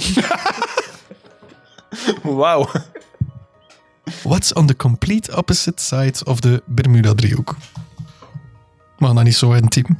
Waar is een tijd dat iedereen nog een wereldbol in zijn huis had staan? Ik had er een, maar je zit gevuld met drank en is dan nog altijd bij mijn ouders thuis. Whoops. Ik denk dat dit al de derde aflevering is waarin hij over die wereldbol vertelt. Kan de mensen na drie jaar nog weten wat dat hij allemaal al gezeverd heeft in de podcast? Nick zit bedankelijk te kijken. Ja, Hebben wij hier net een serieuze case gekrakt? Is het Brugge? Google Maps, alsjeblieft. Ik ben, ik ben Google Earth aan het openzetten. Ik wil weten wat dat er aan de andere ja, eh, het- het- Kan- heb kan- die, heb die serieuze can geopend. Ja, Down ja. rabbit hole we go. Ik denk dat die hier ergens zou moeten zijn. Dan. Ja, dat is, dat is Azië zeker? Of ben ik nu zo verkeerd? Wat ligt er? Taichung. Taichung ligt aan de andere No way. wacht, wacht, wacht, wacht. Is dat waar dat de Dragon's Triangle is? Nee, je moet meer naar het zuiden. Als dat... Als... Wacht, hè. Eh, Godverdomme, Nicky. Weer iets voor wakker van te liggen. Wel echt er aan de overkant. Australië. Ja, Is laat dat? ons bij Australië houden. Ik weet het niet. Het is echt heel moeilijk om zo exact 180 graden te draaien. Ja, en ook boven beneden. En als je nu de coördinaten... Nee, dat gaat ook Ik weet niet hoe dat coördinaten werken, Nick. Ja, ik ben ook nogal ongecoördineerd daarin. Other side of the world, Bermuda. Ja, wel. Aha, Ah, the farthest place from you. Ja. antipodes. Aha. Kunnen we dat aanvullen daar? Ah, Enter the Country, daar van boven, Jens. Ja. Doe een keer Bermuda Triangle? Wat zou dat geven? Nee? Moet echt een land opgeven, denk ik. Perth. Oh, Australië. Perth. Australië. Ja. Het is Australië. En als er nu één plaats is dat vol zit van het zot natuurlijke leven, Australië. Oké, dus we hebben het ontdekt. De, het compleet tegenovergestelde punt van, eh, van de Bermuda-driehoek is Australië. En specifieker Perth. Weten we daar iets meer mee? Nee. Nee, Zijn er legenden rond Perth? Waarschijnlijk. waarschijnlijk ja. Het, maar ja, als ik dit geweten kan, net zo goed gewoon Google Perth kunnen opzetten. hè. Oh god, Jens. Maar kijk, nooit gedacht dat we echt eh, volwaardig wetenschappelijk onderzoek gingen doen bij grafspraak. Maar bij deze... Ik heb zelfs bijgeleerd dat er een woord is. Antipode. Voilà. Ja. Dus we hebben al twee feiten als je mensen heel awkward wilt maken door smalltalk te doen op feestjes. Weet jij wat dat er aan de, eh, aan de exact andere kant van de Bermuda-driehoek is? en hoe dat dan noemt? Perth. Ja, inderdaad. Dat is gewoon letterlijk het tegenovergestelde. Goed. We gaan eh, even terugkeren naar de Bermuda-driehoek. Eigenlijk niet, want we gaan naar Londen gaan. In 1968 zou de London Sunday Times een race rond de wereld sponsoren in jachten. Weet je wat, ik zal jullie eerst het verhaal vertellen zoals dat de meeste artikels, de meeste documentaires het verhaal gaan weergeven. Jullie mogen dan jullie bedenkingen geven. En dan geef ik de meer uitgebreide versie. Dus, de London Sunday Times organiseren een reis rond de wereld. En er was een man, eh, een man genaamd Donald Crowhurst. En eh, ja, die was een hobbyzeiler. En die hield zodanig van zijn hobby dat hij daar zijn beroep van wou maken. Hij eh, begon met eh, apparatuur te ontwikkelen, eigenlijk navigatiesystemen voor op boten.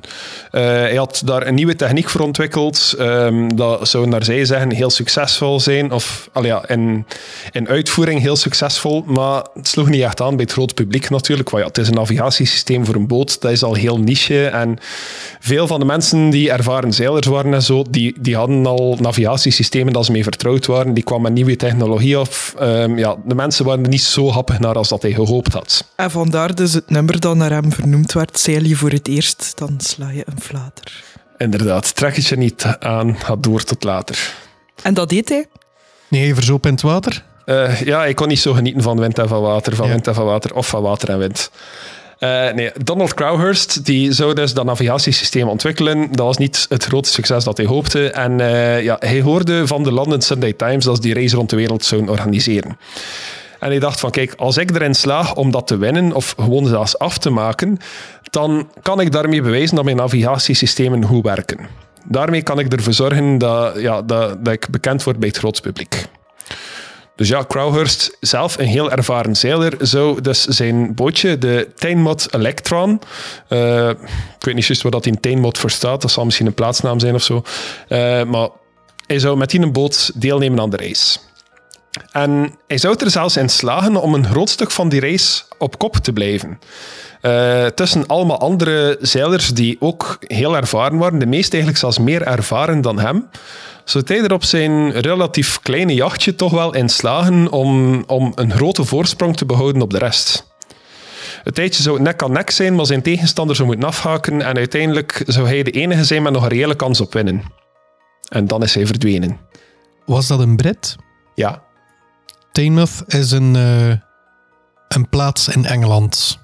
oké. Tijnmatte Bij deze. Ja. Maar dus, Donald Crowhurst, heel ervaren zeiler, met zijn eigen navigatiesysteem, aan de kop van de reis. En plots is hij weg. Plots verdwijnt hij. Na de laatste communicatie met hem zou het negen dagen duren voordat zijn bootje gevonden wordt, al dobberend in het water, zonder hem erin en zonder duidelijke reden waarom dat hij daar niet meer zou kunnen zijn. Maar de boot was nog steeds intact. De boot was relatief intact, ja. Ik weet niet wat zeggen. Echt. Dat is het meest bizarre eraan. ja. Niks zet hier palingbewegingen te maken. Niet gewoon met zijn hand, hij is hij echt aan het flappen. nu is hij onzichtbaar. Ja. Zou dat de ESL-language zijn voor aal? Ook gewoon zo die... Slithery S-beweging. Nog een zijvertakking. Kom, we zoeken het op. Van zodra dat we hier eh, de deur openzetten, ga ik ook gewoon naar buiten stormen en beginnen zwemmen naar de Bermuda driehoek om te paren. Ja. Ja, wel al twee keer gedaan. Ik raad het niemand aan. Oké, maar dat is, dat is de versie dat je in 9 van de 10 artikels over de Bermuda driehoek zal vinden. Nu ga ik jullie de echte versie geven. Oké. Dus, het klopt tot op punt dat ik zeg van hij had navigatieapparatuur uitgevonden, hij wou dat promoten, hij wou die reis rond de wereld winnen. Maar met zijn nieuwe bootje, de Tinmouth Electron, had hij slechts enkele weken ervaring voor hij zou deelnemen aan de reis. Hier zie je de man in zijn boot bij het vertrek. De reis die start in Engeland en de racers zouden vandaar naar de Atlantische Oceaan moeten varen, rond Kaap de Goede Hoop, door de Stille Oceaan ten zuiden van Australië, aan de tegenovergestelde kant van de Bermuda-driehoek, eh, en rond Kaap Hoorn terug naar het noorden naar huis varen. Crowhurst die zou zijn race al meteen starten eigenlijk met technische problemen. En zijn eigen gebrek aan ervaring, dat kwam eigenlijk ook wel een beetje naar boven. Het was vanaf de start duidelijk dat er een grote afstand was tussen hem en de rest. En dat hij eigenlijk niet het eh, soort ervaring had dat, eh, ja, dat, dat nodig was voor zo'n levensgevaarlijke race eigenlijk te doen. Hè. Hij hield een logboek bij, zoals dat iedereen moest doen tijdens die race. eh, en hij schatte zijn eigen overlevingskansen ongeveer op 50%. Hij had een, ja, hij had een idee van, oké, ik zou het kunnen winnen als ik dat tempo kan aanhouden. Mijn boot kan aan. Maar daar toonde ook al meteen zijn gebrek aan ervaring dat een tempo dat ik kunt aanhouden in een baai niet hetzelfde tempo is dat je midden in de oceaan kan aanhouden. Eh, ik denk dat Nieke nog altijd eh, zware flashbacks krijgt naar wij die op een jetski in Griekenland zaten en onze ogen niet konden openhouden van het water dat, dat in ons gezicht aan het spatten was en amper onze balans konden houden. Ik was er echt van overtuigd dat mijn zonnebril toch een beetje water ging tegenhouden. But boy was I wrong. Ja, het werkt niet zo. Maar ja, ik kon zijn tempo niet aanhouden en hij was simpelweg een amateur die eigenlijk nooit had mogen deelnemen aan zo'n race. Maar hij had zichzelf kunnen binnenlullen en ja... Maar hij zou ook nooit zijn verlies kunnen toegeven en hij zette door. En hij begon eigenlijk een soort ingebeelde race te leiden. Hij zou valse posities doorgeven aan de jury, waarmee dat hij deed uitschijnen dat hij op kop stond van de race. In de realiteit zou zijn boot eigenlijk zelfs nooit voorbij de Atlantische Oceaan geraken. Volledig tegen de regels zou hij aan land gaan in Zuid-Amerika voor reparaties en daarna terug de Atlantische Oceaan opgaan. Zijn tactiek was om te blijven liegen en uiteindelijk de competitie in te halen in de terugweg. Hij was niet echt van plan om te winnen op dat punt. Volgens zijn logboek, hij gewoon doen uitschijnen dat hij de reis had voltooid. Hij was wel eh, zo slim om twee logboeken bij te houden. Eén waarin dat hij zijn leugens opschreef dat hij doorspeelde naar de jury, zijn valse posities, die altijd wel realistisch genoeg waren dat geloofwaardig was. Eh, en een tweede boek waarin dat hij het echte verslag deed van zijn reis. En de stress dat hem eigenlijk aan het bezorgen was. Want op dat punt begint zijn mentale gezondheid er ook een beetje aan onder, onderdoor te gaan. Door de coördinaten die Krauger doorgaf, leek het alsof dat hij nek aan nek lag met de man die effectief op kop stond. Eh, een man genaamd Nigel Tetley.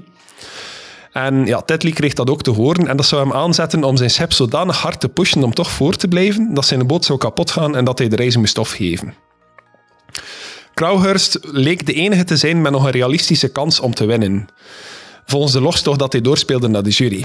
Maar hij wist ook dat hij door de band zou vallen wanneer dat hij de finish bereikte. Zijn echte logboek zou hem, zou hem verraden. Hè. En ja, zijn tweede logboek zou achteraf ook aantonen dat hij op dat punt eigenlijk al een zenuwinzinking aan het krijgen was van de stress. Op 29 juni zou hij zijn echtgenote nog een keer trachten te contacteren, maar zonder succes. Die was misschien heel blij dat hij op de, op de zee zat. Even rust. Uh, en in zijn dagboek schreef hij over zijn leugens en dat spel nu afgelopen was. Kraugers werd negen dagen later gevonden aan de Bermuda-eilanden, maar van de man zelf werd er nooit iets teruggevonden. Hier zie je hem nog een keer op zijn boot.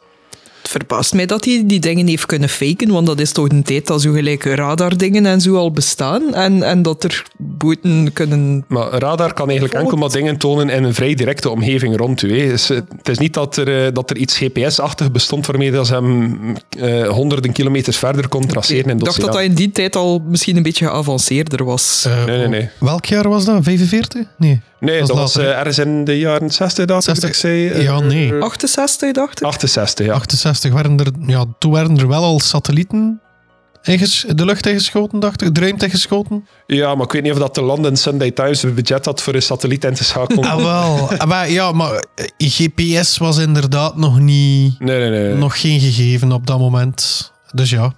Maar dus Kraughurst is wel een naam dat je heel vaak gaat horen als een van de grote mysteries van de Bermuda-driehoek. Maar eigenlijk toont het aan dat dat eigenlijk gewoon een leugenaar was die door de mand ging vallen. En oftewel zelf een kritieke fout gemaakt heeft of besloten heeft dat zijn leugen hem ja, gingen inhalen en niet wou geconfronteerd worden met zijn bedrog. En ja, de tussen haakjes gemakkelijke uitweg gekozen heeft. Hij misschien gewoon zijn eigen dood gefaked en heeft hij ergens nu nog een, ik weet niet hoe luxueus leven daar ergens in de Bahama's. Samen met de man van Carol Baskins. Voilà. Nee, wat ik daar wel nog van wil vertellen is... Eigenlijk is dat... Een rookie mistake om als verkoper van uw eigen gerief toch maar te blijven bullshitten, hè? Allee, ja. Ja, de, de slimme zet volgens mij zou geweest zijn van zoek een, eh, zoek een ervaren zeiler die gaat deelnemen aan die reis en probeer dan met hem uw materiaal te laten gebruiken en promoten. Ja. Iemand die wel een realistische overlevingskans heeft, maar niet zelf op een boot dat je, dat je, misschien, eh, dat je misschien tien weken zelf hebt, daarmee de wereld proberen rondreizen. Ego kan een lelijk beestje zijn ook, hè? Absoluut. En zeker, ja, die ja, verkopers. Hè. Sorry, ik ben zelf ook verkoper, maar ik raad alle verkopers aan om eerlijk te zijn tegen hun klanten. Dus eh, daarmee kom je het verst. Vroeg of laat val je door de mand of spring je van een boot. Helaas wel. Goed, niet elk mysterie van de Bermuda-driehoek is ook gelinkt aan een boot of een vliegtuig. Ik heb er eentje gevonden van op een eiland zelfs. Dit, eh, wat je hier op foto ziet, is de Great Isaac Light- Lighthouse. Dat is eh, op een eilandje dat Great Isaac Rock heet. En dat is het meest noordelijke punt van de Bermuda-eilanden. Eh, sorry, het meest noordelijke Bah- Bahamiaanse eiland. Mijn excuses. Dat is een eilandje dat eigenlijk maar twee bewoners kent. En de twee bewoners werken allebei in de lighthouse. Dat zijn de lighthouse keepers. Life goals. Nu, volgens de legende zou dat eiland zelfs spoken. Zou er daar een Grey Lady hangen, een spook van een slachtoffer van een scheepswrak in de jaren 1800. Wanneer dat die lighthouse blijkbaar niet zo goed zijn werk gedaan heeft. Eh, dat, eh, dat even terzijde. Er waren dus twee, twee lighthouse keepers die in de woningen die daar ziet staan op de foto, die daarin woonden, die de lighthouse bedienden. En om de zoveel tijd, om de zoveel dagen, ik denk een keer in een week of zo, kwam er een bootje met zo wat, wat nieuwe bevoorrading, wat eten, wat, ja, wat andere voorzieningen, whatever dat die gasten nodig hadden om eh, hun leven daar een beetje comfortabel te leiden. En eh, ja, op een... eh, Er was een moment dat er daar een grote orkaan geweest was. Ik denk Hurricane Anna dat heette. Ik vind hier even niet terug. Maar... Dus ja, er was een grote orkaan geweest en er was zo'n paar dagen geen contact geweest met de lighthouse keepers. Dus ja, er, eh, er gaan eh, mensen gaan kijken met die, eh, met die bevoorradingsboot, gaan ze naar de vuurtoren. En van al twee de vuurtorenwachters is er geen spoor meer. Nochtans dat er geen schade was aan gebouwen, dat de al twee ook mannen waren die heel vertrouwd waren met de streek, die al redelijk wat orkanen en stormen doorstaan hadden, die wisten dat ze binnen moesten blijven op die momenten. Eh, dus het leek niet realistisch dat die plots zouden verrast worden door een orkaan en van dat eiland zouden geblazen zijn of zo. Ze zouden wel de kennis moeten hebben van gewoon binnen te blijven op dat moment. Maar ze waren, eh, ze waren verdwenen. Alle meubels waren nog intact. Het leek alsof dat ze gewoon in rook waren opgegaan. Nu moet ik wel zeggen, er zijn ook geruchten dat ze betrokken worden in een drugsmokkel en dat ze misschien gewoon on- ontvoerd of afgemaakt zijn geweest. Maar daar heb ik geen bewijs van gevonden. Ik heb dat gewoon ergens in een artikel zo als laatste zinnetje nog gevonden van dat zou het misschien nog kunnen zijn. Maar er is blijkbaar geen... eh, eh, er is nooit een definitieve verklaring geweest waarom dat die mannen verdwenen zijn. En dan hebben we nog de USS John F. Kennedy. Dat is een eh, groot vliegdekschip, zoals jullie hier op foto zien. Eh, ja, het ziet er gigantisch uit, hè?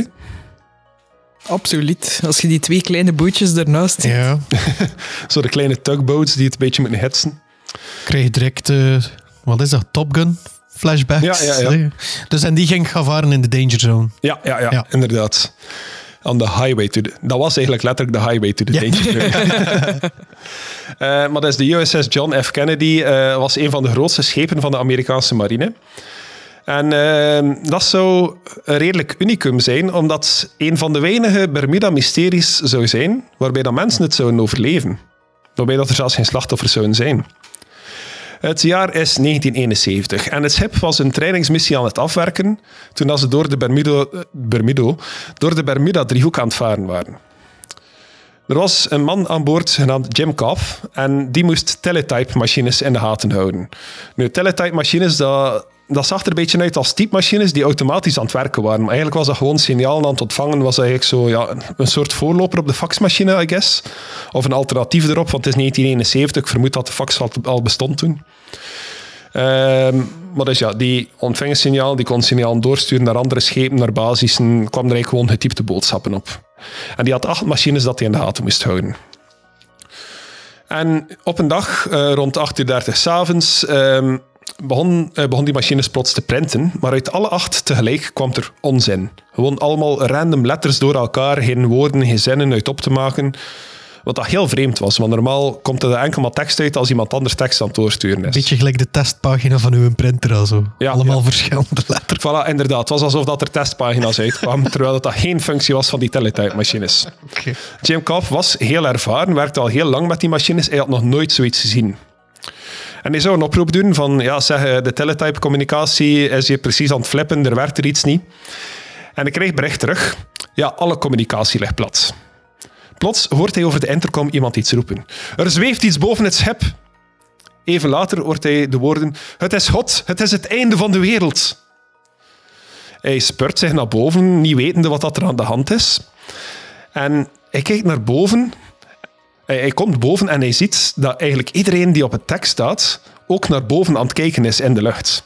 Hij kijkt zelf en hij ziet daar een grote gloeiende oranje bal boven het schip vliegen. Het maakt geen geluid en hij kon niet inschatten hoe ver dat van het schip was. Het kon tientallen, honderden of zelfs duizenden meters groot geweest zijn afhankelijk van de afstand. Ik kon het niet inschatten, zegt hij. Na enkele seconden verbaasd te krijgen, krijgt hij plots de orders van ja, terug naar beneden, terug naar uw machines. En oké, hij volgt de bevelen op, want het is leger. En uh, hij zou nog een twintigtal minuten ja, op die flippende machines staan kijken voordat ze terug normaal beginnen te werken. Er zou nog een radarbediende uh, zijn die hem nadien ook zei van het moment dat die machines begon te flippen, was mijn radar plots ook volledig wit geworden. Alle kompassen waren ook gestopt met werken, alle andere elektronica. Ze wouden zelfs twee gevechtsvliegtuigen uh, laten opstijgen om naar die bal te gaan kijken. Of ja, het is Amerika, de raketten op te schieten waarschijnlijk. Maar zelfs die vliegtuigen wouden niet starten. Alles lag gewoon plat gedurende die 20 minuten.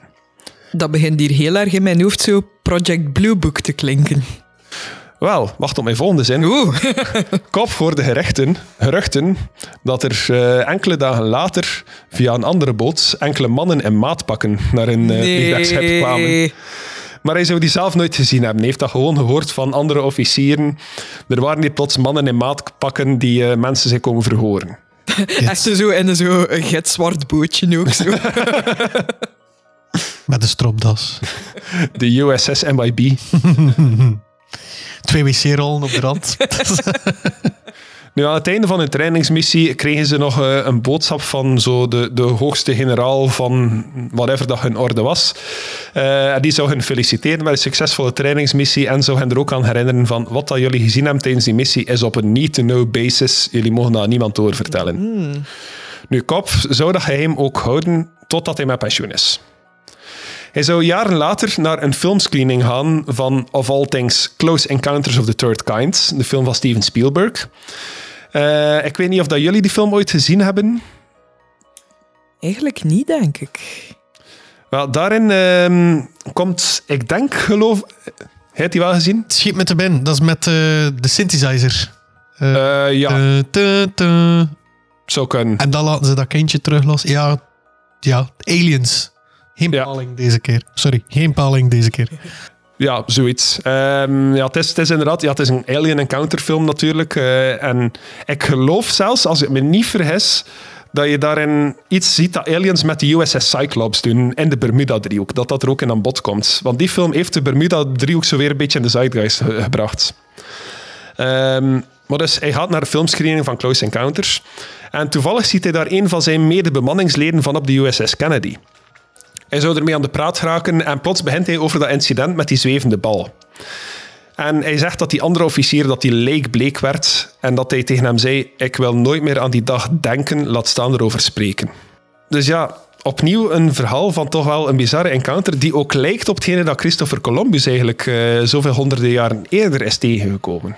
Maar ja, het zou nog tot 1974 duren voordat de Bermuda-driehoek de populariteit behaalt die het tot op vandaag nog altijd heeft. En dat komt door een man genaamd Charles Berlitz. Die bracht een boek uit waarvan dat er meer dan 20 miljoen exemplaren zouden verkocht worden. The Bermuda Triangle, An Incredible Saga of Unexplained Disappearances.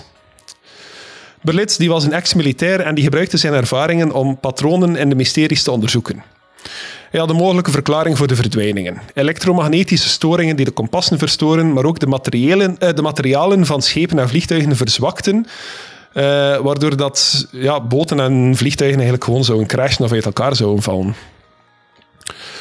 Maar dus ja, we hebben al hier en daar wat verklaringen gegeven, maar er zijn er nog een hele hoop.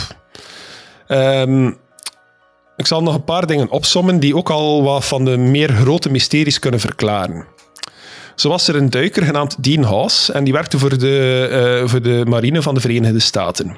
Op een dag in 1968 was hij aan het duiken wanneer dat hij plots iets zag op de bodem van de oceaan dat op een gigantisch schip leek. Hij haalde zijn team erbij, maar er zou net een storm uitbreken en ze konden niet verder duiken, ze moesten wachten. Intussen deed hij wel verder onderzoek naar vermiste boten en hij vond een foto van een boot die exact leek op dat scheepswrak. Hij was er vrij van overtuigd dat hij het wrak van de USS Cyclops gevonden had. Nu, Haas wou terugkeren naar, die plaats, maar de marine zou hem verbieden om dat te doen. Het zou jaren duren voordat hij daar terug raakt, maar toen dat hij er eindelijk terug was, was dat wrak verdwenen. Is het mogelijk dat het een of andere doofpotoperatie is, dat de marine dat wrak heeft weggehaald of zo? Het zou me verbazen, gezien dat de Titanic ook nog altijd op de bodem van de oceaan ligt en dat er dan nog niemand heeft kunnen bovenhalen. Maar ik weet het niet, misschien werkt dat anders. Ik ben geen expert.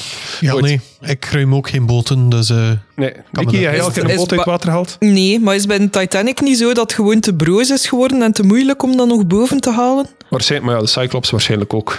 Tuurlijk. kijk, hoe lang dat iedereen tussen al ligt, of lag, ja, hij zou weg zijn, hè.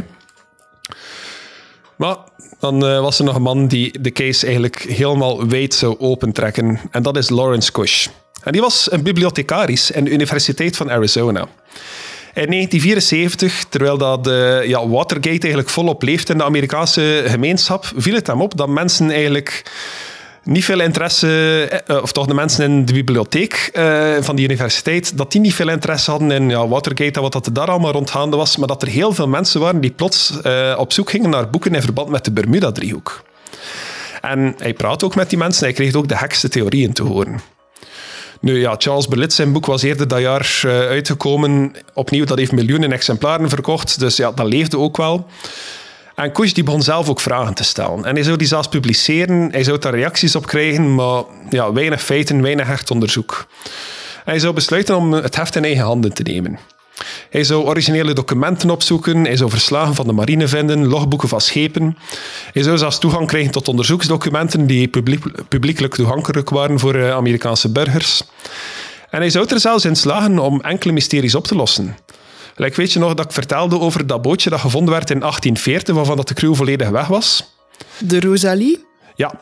Uh, wel, hij vond uh, blijkbaar ergens in, in Los terug dat die crew wel teruggevonden is, dat ze hun loon aan het opdrinken waren in Cuba. Hm. ook van heel veel van de vermiste schepen, zeker de oudere, um, zou er pas 100 jaar na datum voor de eerste keer een melding komen van ah ja, die is verdwenen en die heeft door de Bermuda-driehoek gevaard. Maar het is mogelijk dat die schepen een andere naam gekregen hebben of dat ze geschrapt zijn geweest van hun onderdelen, maar dat er gewoon nooit verslagen zijn opgesteld of dat de verslagen verloren zijn geraakt. Hij deed ook verder onderzoek naar het schip dat de Ellen Austin vond in 1881. En hij vond een boek uit 1944, dat heet The Stargazer Talks. En daarin werd er geschreven over de Ellen Austin die een verlaten schip vond. Um, nu, hij kwam uit bij een Londense verzekeraar die records zou bijgehouden hebben van verlaten en gezonken schepen, maar die had geen enkele record van verlaten schepen in 1881. Kush vond geen enkele bron voor de encounter van de Ellen Austin, behalve dat boek uit 1944. Maar tegelijk zag hij wel dat er in Charles Berlitz zijn boek, dat er daar enorm veel details in stonden die nergens anders te vinden waren. Als ook dat andere details veranderd leken te zijn. Heel veel kleine details, maar genoeg dat het eigenlijk wel opviel dat Charles Blitz eigenlijk zelf een loopje aan het nemen was met de waarheid in zijn razend populaire boek. En ja, hij zou nog uh, artikels en boeken vinden van andere auteurs die nog meer details zouden toevoegen die ze allemaal uit het niets leken te plukken. Zoals de bewering dat de crew van de Ellen Austin aan boord hing van het verlaten schip en zelf dat verdwenen is, is volgens hem eigenlijk nooit echt gebeurd. Aangezien dat die info als allereerste verschenen is in dat boek van Charles Berlitz en dat er daar geen bronnen van zijn. Eigenlijk was het gewoon een melding van een verlaten schip en is dat helemaal omgetoverd naar een bovennatuurlijk mysterie. Dan hebben we ook nog de USS Cyclops. Um, nu, ik zei het net al, de laatste melding van de Cyclops was uh, Weather's Fair, all is well. Maar Kush zou ontdekken dat uh, tussen 9 en 10 maart, wanneer dat de Cyclops voor de laatste keer contact heeft gelegd, dat er eigenlijk een enorm zware storm was in dat gebied. Waar dat die boot lag met een zware lading en een kapotte motor. Zijn conclusie, ook als ervaren militair en ja, als ja, man vertrouwd met, ja, met veel van dat soort schepen, was van als die zware lading erts op het juiste moment zou verschuiven en er is net de windvlag, zou het in de boot in één keer kapseizen. Ja. Zou dat ook een verklaring kunnen zijn waarom dat er geen SOS-signaal is uitgestuurd? Dat ze gewoon zodanig snel gezonken zijn met een zware lading, dat er gewoon geen tijd was voor een SOS. Nu, het wrak werd nooit gevonden, behalve als we die ene duiker geloven, en daar had Kushta wel geen verklaring voor. Maar hij merkt wel een patroon op. Veel incidenten die volgens onderzoekers binnen de driehoek zouden gebeuren, waren eigenlijk buiten de driehoek gebeurd. Hm. Soms duizenden kilometers verder, maar toch werd dat gewijd aan de Bermuda-driehoek. Hij vond heel veel van die overdrijvingen en valse waarheid, waardoor, dat er, plots, waardoor dat er plots een pak minder incidenten in de Bermuda-driehoek waren dan dat mensen dachten.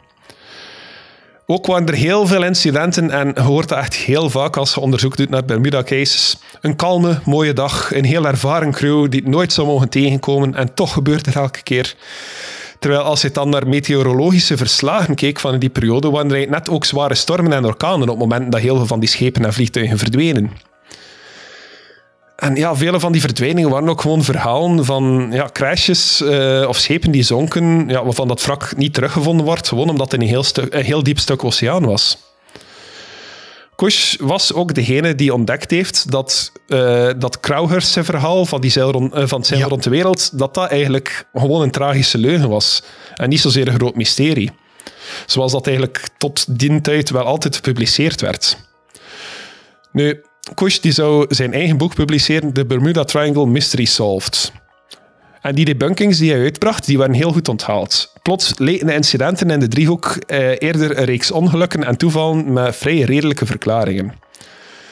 Paranormale auteurs erkenden dat er foutjes in hun werk geslopen waren, maar die wezen ook aan dat er wel nog mysteries waren, zoals Flight 19, waar dat er geen degelijke verklaring voor was. En Kush die kon dat niet laten liggen. Hij zou een tweede boek maken. The Disappearance of Flight 19. Nu, hij was zelf een ervaren piloot, zoals ik al zei. Dat is wel balzy om dan ook meteen te zeggen van, ah wel, weet je wat? Ik ga er ook een boek over schrijven. Voilà, alle respect voor Larry ja. Ah, dat, dat, is echt... De, dat is soort journalistiek dat je wilt doen. En hij is echt above and beyond gegaan voor dat boek. Hij ziet ook, kan hem geen fuck meer schelen, want in zijn eerste boek deed hij nog moeite om zijn eigen Lawrence te noemen. En hier is weer Larry. Ja, it's Larry now. It's your boy Larry, debunking your mystery and magic. oh, I see you have a mystery there. Would be a shame if someone would debunk it.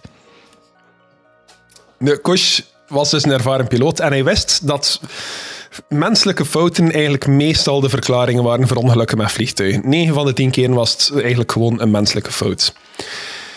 Um, hij had vrienden verloren aan crashes die ze zelf veroorzaakt hadden door fouten te maken. En hij, was er vrij van overtuigd. Flight 19 is ook gewoon weer zo'n verhaal. Hij begon te onderzoeken wat dat er gebeurd was, want hij vermoedde dat uh, uh, lieutenant Taylor wellicht slachtoffer geworden was van slecht weer en slechte coördinatie. En hij besloot van, er is maar één manier om uit te zoeken wat dat er gebeurd is. Ik ga zelf die route vliegen. En hij deed dat ook. Hij nam het risico van bewust de route te volgen in de Bermuda-driehoek richting de plaats waar dat Flight 19 volgens hem zou kunnen gecrashed zijn.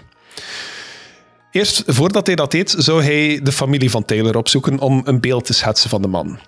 En dat lukte eigenlijk vrij goed. Eh, hij werd eigenlijk omschreven als een goed, ervaren en voorzichtige piloot. Dat was kort samengevat. Er is meer aan hem dan dat, dan dat ene zinnetje, maar kan hier nog een uur praten anders. Ehm, Taylor was, voordat hij naar Fort Lauderdale ging, was hij eigenlijk vooral gewend om vanuit Miami te vliegen. Hij was nog maar net, nog geen drie weken gestationeerd in Fort Lauderdale. En de vluchtroute van daaruit was een enorm verschil buiten Miami. En ja, ervaren piloten weten wel dat nieuwe routes volgen, dat dat altijd risico's inhoudt.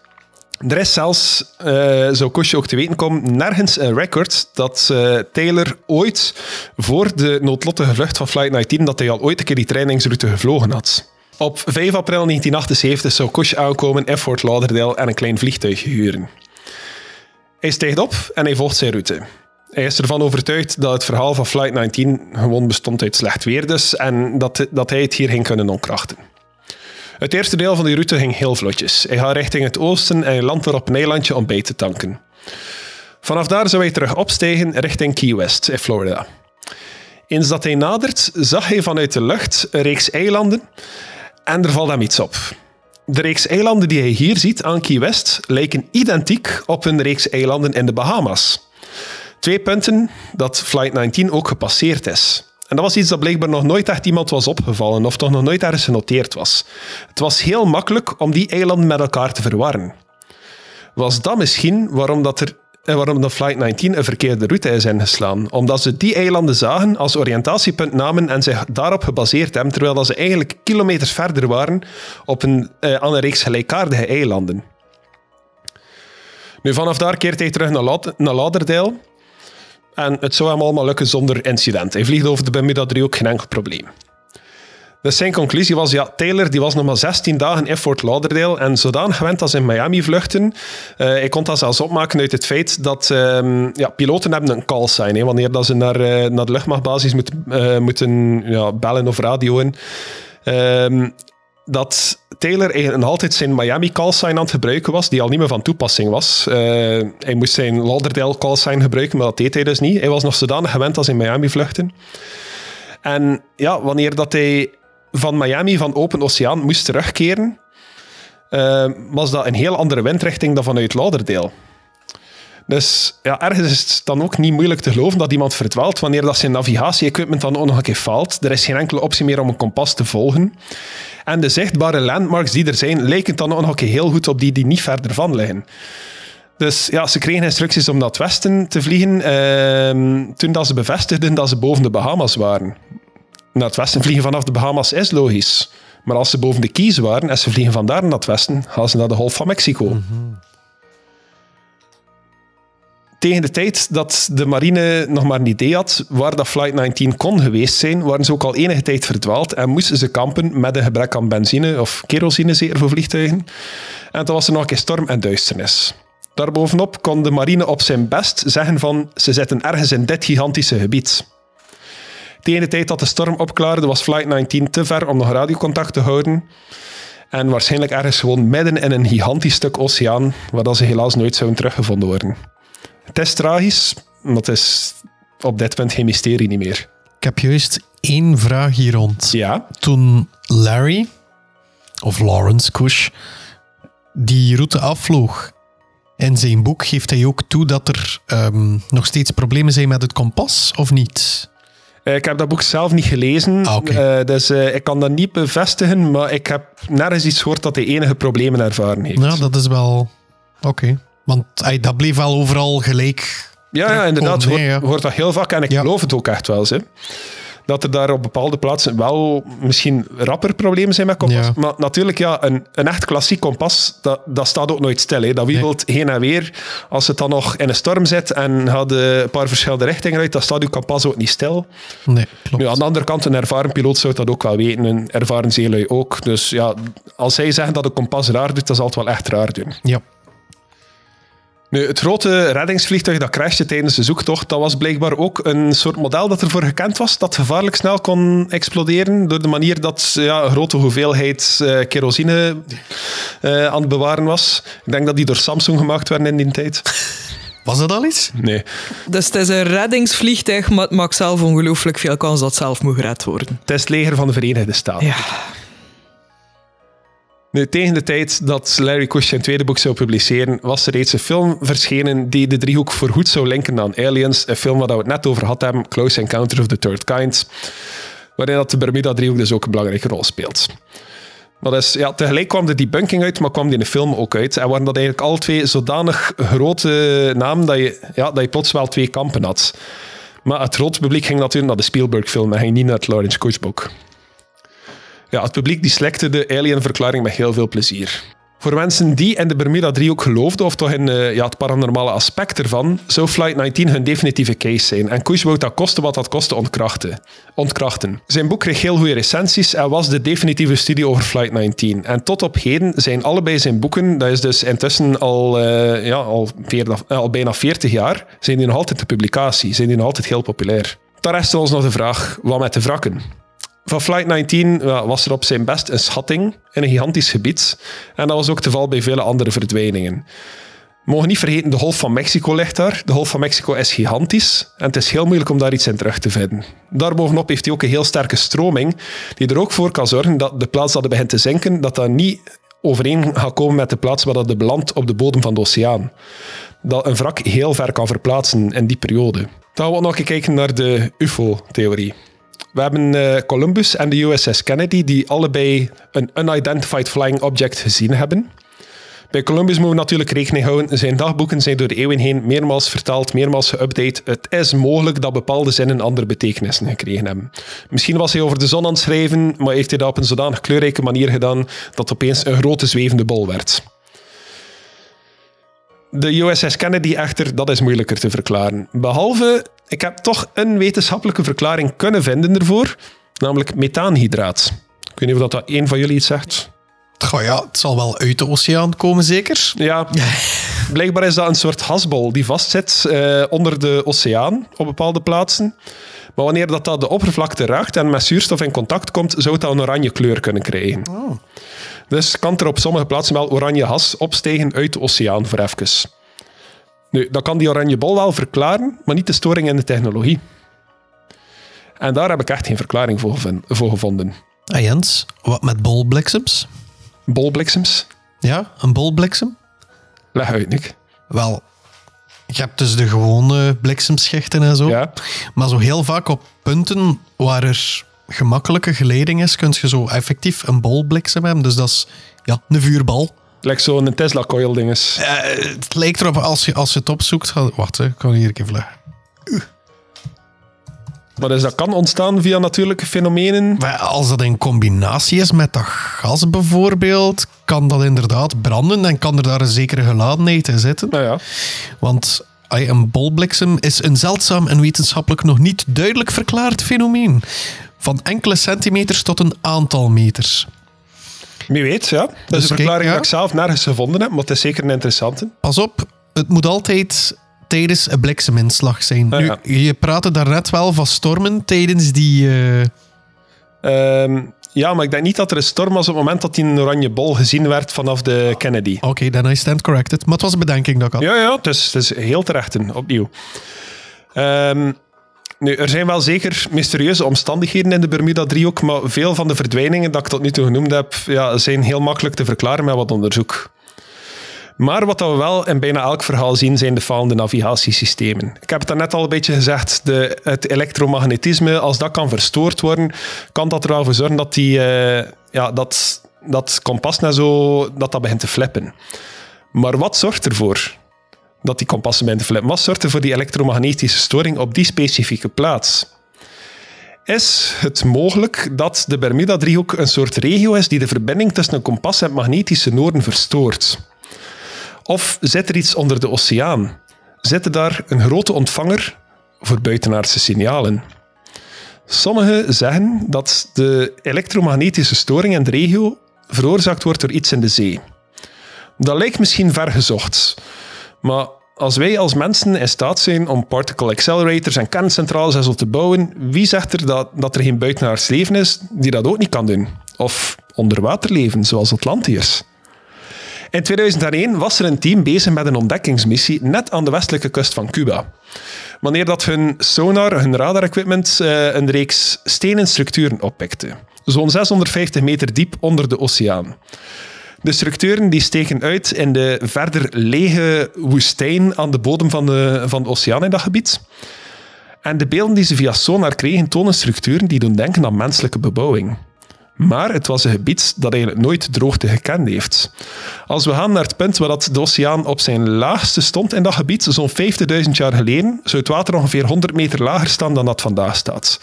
Dat verklaart niet waarom dat er structuren zijn die 650 meter onder zeeoppervlak zitten. Nu, het duurde niet lang voordat de media het begon te melden. Atlantis was gevonden. Overheden en tv-zenders die wouden de handen in elkaar slaan en onderzoeken wat dat er gaande was in die onderwaterstad. En toen verdween het verhaal. Jarenlang werd er niets officieels over gemeld. Maar ik heb hier wel een foto. Wow. Dit zit 650 meter onder de oceaan. Oké. Beschrijf ik je wat je ziet, Nicky. Dat ziet er te gestructureerd uit om, om gewoon maar eh, toevallig te zijn. Er zitten daar letterlijk perfecte vierkantige structuren in. Ehm, het zijn ook zo van die typische gelijk eh, Inca piramides. Ja. Staan er ook op. Het is eh, wauw. Nu, het is wel moeilijk om daar een grootheid in te schatten, maar het zouden echt wel reusachtige structuren zijn, blijkbaar. Nick, heb jij al ooit zoiets gezien? Eh, ja, Maar onder water? niet onder water. Ja, ja. Ga, en er is heel wat heisa rond die serie geweest, maar ik kreeg flashbacks. Ik heb Ancient Apocalypse bekeken. Weet wel, door de pseudowetenschapper. eh, ja, zo History Channel-achtig iets, hè? Ja, wel, staat op Netflix, kunnen we altijd bekijken. En die had het ook telkens erover dat er in heel veel scheppingsverhalen altijd dat eh cataclysmische... eh, ja, dat er een cataclysme was. Ja. En dat er altijd bebaarde mannen overal terechtkwamen en dat er dan zo'n civilisaties opgebouwd werden. Dus dat er eigenlijk een civilisatie was die veel ouder was dan dat wij eigenlijk eh, toekennen aan de, de leeftijd van de mens zoals we die nu kennen. En dat die dus ook beheerden over technologie, technologieën die, eh, ja, die tot voor die tot nu nog steeds niet, niet bekend zijn wat dat was. Ja, dat, dat hoor je ook een beetje in het Atlantisch verhaal eigenlijk. Hè? Ja, klopt. Er wordt ook heel vaak verwezen naar Atlantis daar. En, en zo zijn er een heleboel gelijklopende, hele oude structuren over heel de wereld te vinden. Hè? Dus niet alleen eh, in Zuid-Amerika of Mexico. eh, in Azië zijn er ook te vinden. Ik dacht in eh, het zuiden van Noord-Amerika ook. Mhm. Ja. Dat is dan gewoon Amerika waarschijnlijk. Centraal. Centraal-Amerika. ja. ja. Het zuiden van Noord-Amerika, zo kun je het ook noemen. Ah, wel, maar dat... Ja, daar, heb ik altijd al zo vragen bij van wat zit er daarachter? En, en dat is iets dat, dat er niet gaat uitbrengen, maar dat is niet natuurlijk. Dat kan niet. Ja, ik ben eruit. Het is het eh, Palingpaleis. Palingpaleis. Het swingpaleis van de paling.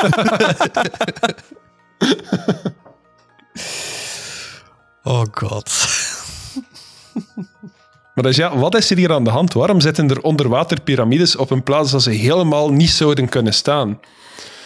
Dat lijkt op de verkeerde plaats en in de verkeerde tijd te bestaan gewoon. Maar zit er iets in die piramides dat ervoor kan zorgen dat elektromagnetische straling in dat gebied verstoord wordt? Is er daar Oh. iets signalen aan het uitzenden? Mag ik nog even een zijvertakking maken? Ja. Iets dat mij net te binnen schiet. Ze hebben blijkbaar in een van de piramides eh, terug een nieuwe tunnel gevonden. Was het in die van Cheops? Ik durf het niet zeker te zeggen, maar blijkbaar gaat hij ook heel diep naar beneden naar eh, nog niet ontdekte ruimte. En wel, je gaat daar onder water uitkomen dan. My god. Dat is de shortcut voor de palingen uit Egypte. Daar gaan die gaan poepen. De sex dungeon. De Paling Sex Dungeon, oh my god. Sorry, children.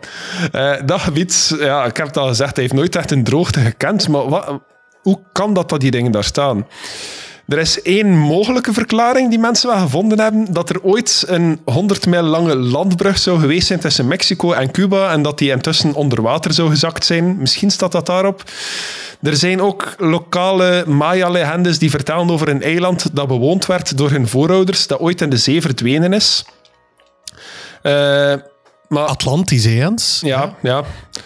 Maar ja, het feit dat er zo weinig informatie gedeeld wordt over die onderwaterpyramides en het onderzoek daarnaar, laat heel veel mensen geloven dat dit een doofpotoperatie is. Althans, dat is wat dat heel veel bronnen beweren. Je gaat heel veel artikels en heel veel video's vinden die het allemaal heel luid staan te roepen van er wordt geen informatie over gedeeld. Maar dat is geen waar. Er is onderzoek gedaan en dat onderzoek is heel publiekelijk gedeeld geweest. Sommige mensen kiezen gewoon om het te negeren, omdat flashier klinkt van er is een onderwaterstad. Maar helaas, is zoals dat in heel veel van onze mysterieuze cases is. Het is een veel minder groot mysterie dan dat je zou denken. Onderzoek toont aan dat er teams dat mysterie onderzocht hebben en de verklaring hebben, dat ook al lijkt het op mensenmaakte structuren en tempels, is het eigenlijk een heel natuurlijk geologisch fenomeen. Een heel zeldzaam geologisch fenomeen, maar het is heel natuurlijk. Fuck you, nature. Blijkbaar een combinatie van de juiste microben en de juiste gesteenten samen, die niet vaak samen voorkomen, maar die wel voor dat soort groei kunnen zorgen en die echt vierkante of ronde structuren kunnen maken.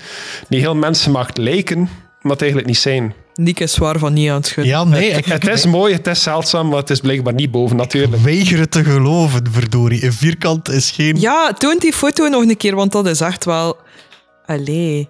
Dat Ik we... het, Ja, ik heb het is zelf natuurlijk... moeite om het te aanvaarden dat dat niet mensenmaakt is, maar blijkbaar is het niet Ja, mensenmaakt. toen natuurlijk wel een beetje denken aan die rotsformatie ook, dat ze die perfecte zeshoeken Ja. kan maken. Je zou het ook kunnen denken van, hoe... Maar dat is dus wel een natuurlijke vorm. Ja. Bijen maken een, Ja, een, een, dat is waar. korven ook zo in, in allee, waar dan de jongen in zitten. Ja. Die gaatjes, dat is ook perfect zeshoekig. Dus dat begreep ik.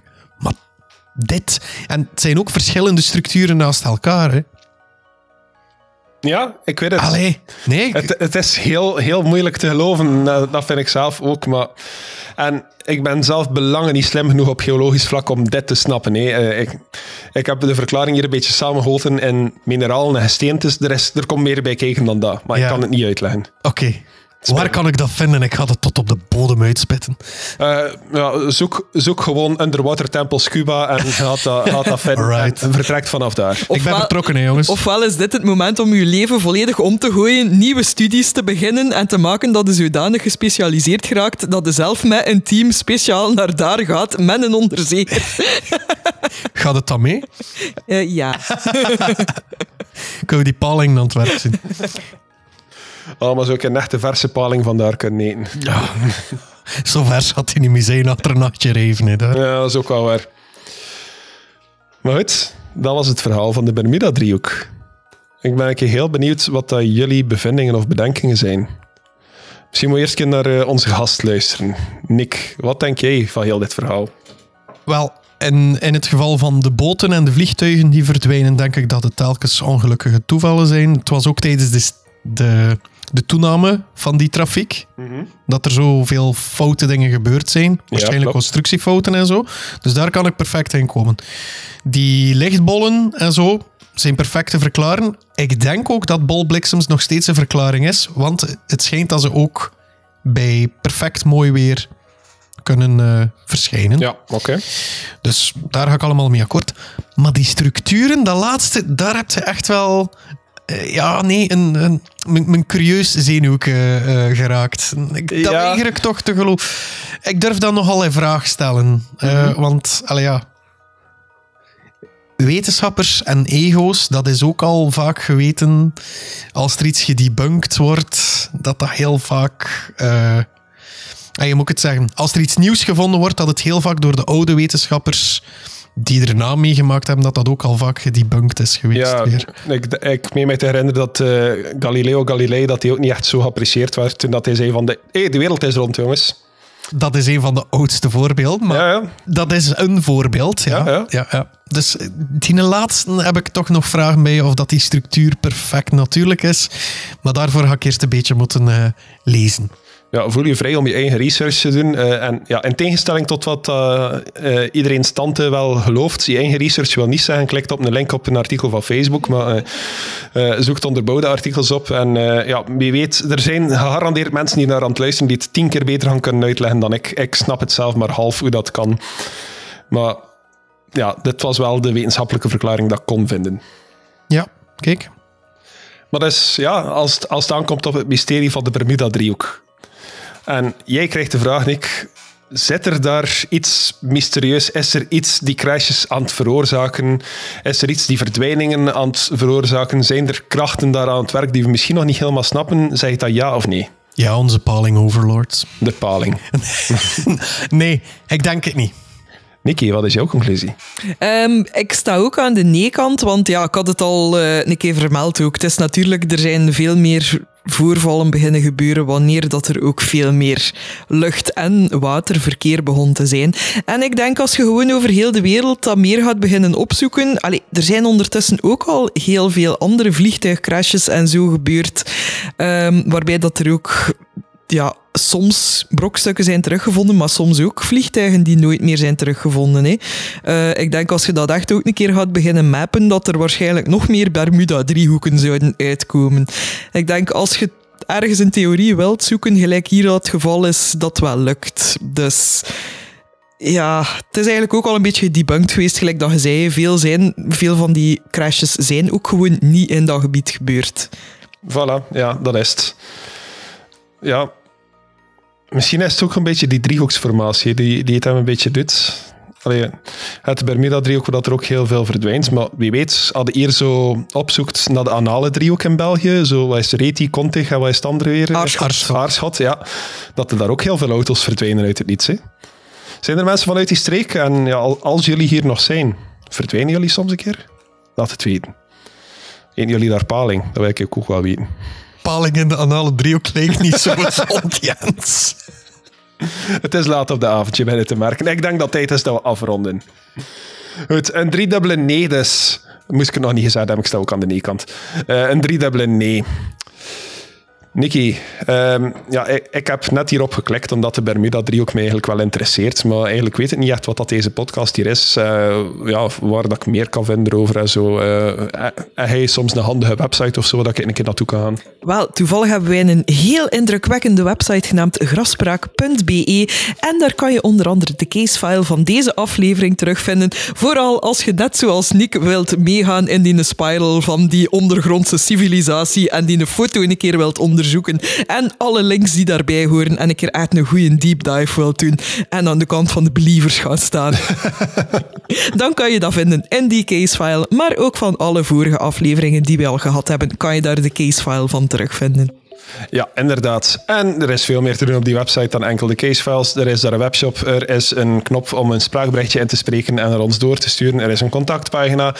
Er is een link naar onze Patreon, patreon.com slash graspraak. Wie zich daar lid maakt, uh, krijgt elke twee weken op dit moment, of anders elke week, hun naam in de aflevering te horen. Net zoals die 25 eh, fantastische mensen die ik aan het begin van de aflevering vermeld heb. Voor de rest, er is ook nog een webshop met heel leuke merch. Nick, kan je mij zeggen wat dat de leukste spooky paranormale Facebookgroep ter wereld is? De Grafspraak Cult, ik bedoel uh, community. Ja, perfect. Daar zitten wij op Facebook. Er is ook gewoon een Facebookpagina die Graspraak heet. Er is een, uh, een Twitter die we nooit meer gebruiken, die, uh, die ook Graspraak heet. En uh, er is een Instagram-pagina, ook allemaal Graspraak. Maar geen Discord. Geen Discord, nee. En geen TikTok. en geen, wat nog allemaal, Snapchat. Ja, dat doen we allemaal niet. Uh, enkel, op de, enkel op de coole sociale media. De old school sociale media. Ja, we zitten op Redbox en MySpace. dat zou wel heel cool zijn, een spooky MySpace maken. Weet iemand nog wat dat Redbox is? Of uh, zijn jullie allemaal van de netlog generaal? Oh, netlog, netlog. Sowieso netlog. Nooit geen redbox had hun? Nee, alleen wij noemden netlog ook iets anders, maar ja. ik weet niet of dat dat PG is. Ja. We hebben het hier over, over de Paling Sex Dungeon gehad. Okay, netlog kan er huis door. Ja. Allee, um, maar ja, vroeger hadden Redbox, voordat uh, van naam veranderd is naar Netlog. Oké, okay, grandpa. Ja, Redbox was cool. Ik was redbox.be slash den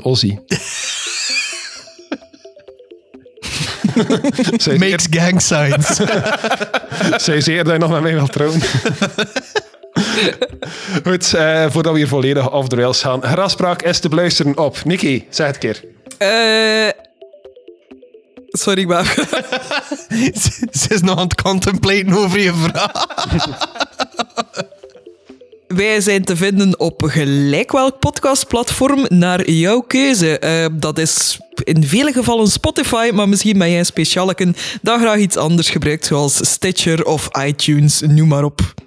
Ja, inderdaad. Het enige dat wij vragen van jullie, wanneer dat jullie naar deze gratis show luisteren, is om jullie te abonneren, ons een rating te geven, ons te volgen, ons te delen met je vrienden, je familie, je collega's, je oma. Het maakt mij allemaal niet uit. Uh, maar alle beetjes helpen ons om de Graspak community te doen groeien. En zoals elke week hangt er uiteraard iets aan vast, want wie deze week zich niet abonneert, zou ik kunnen wakker worden in de Paling Sex Dungeon.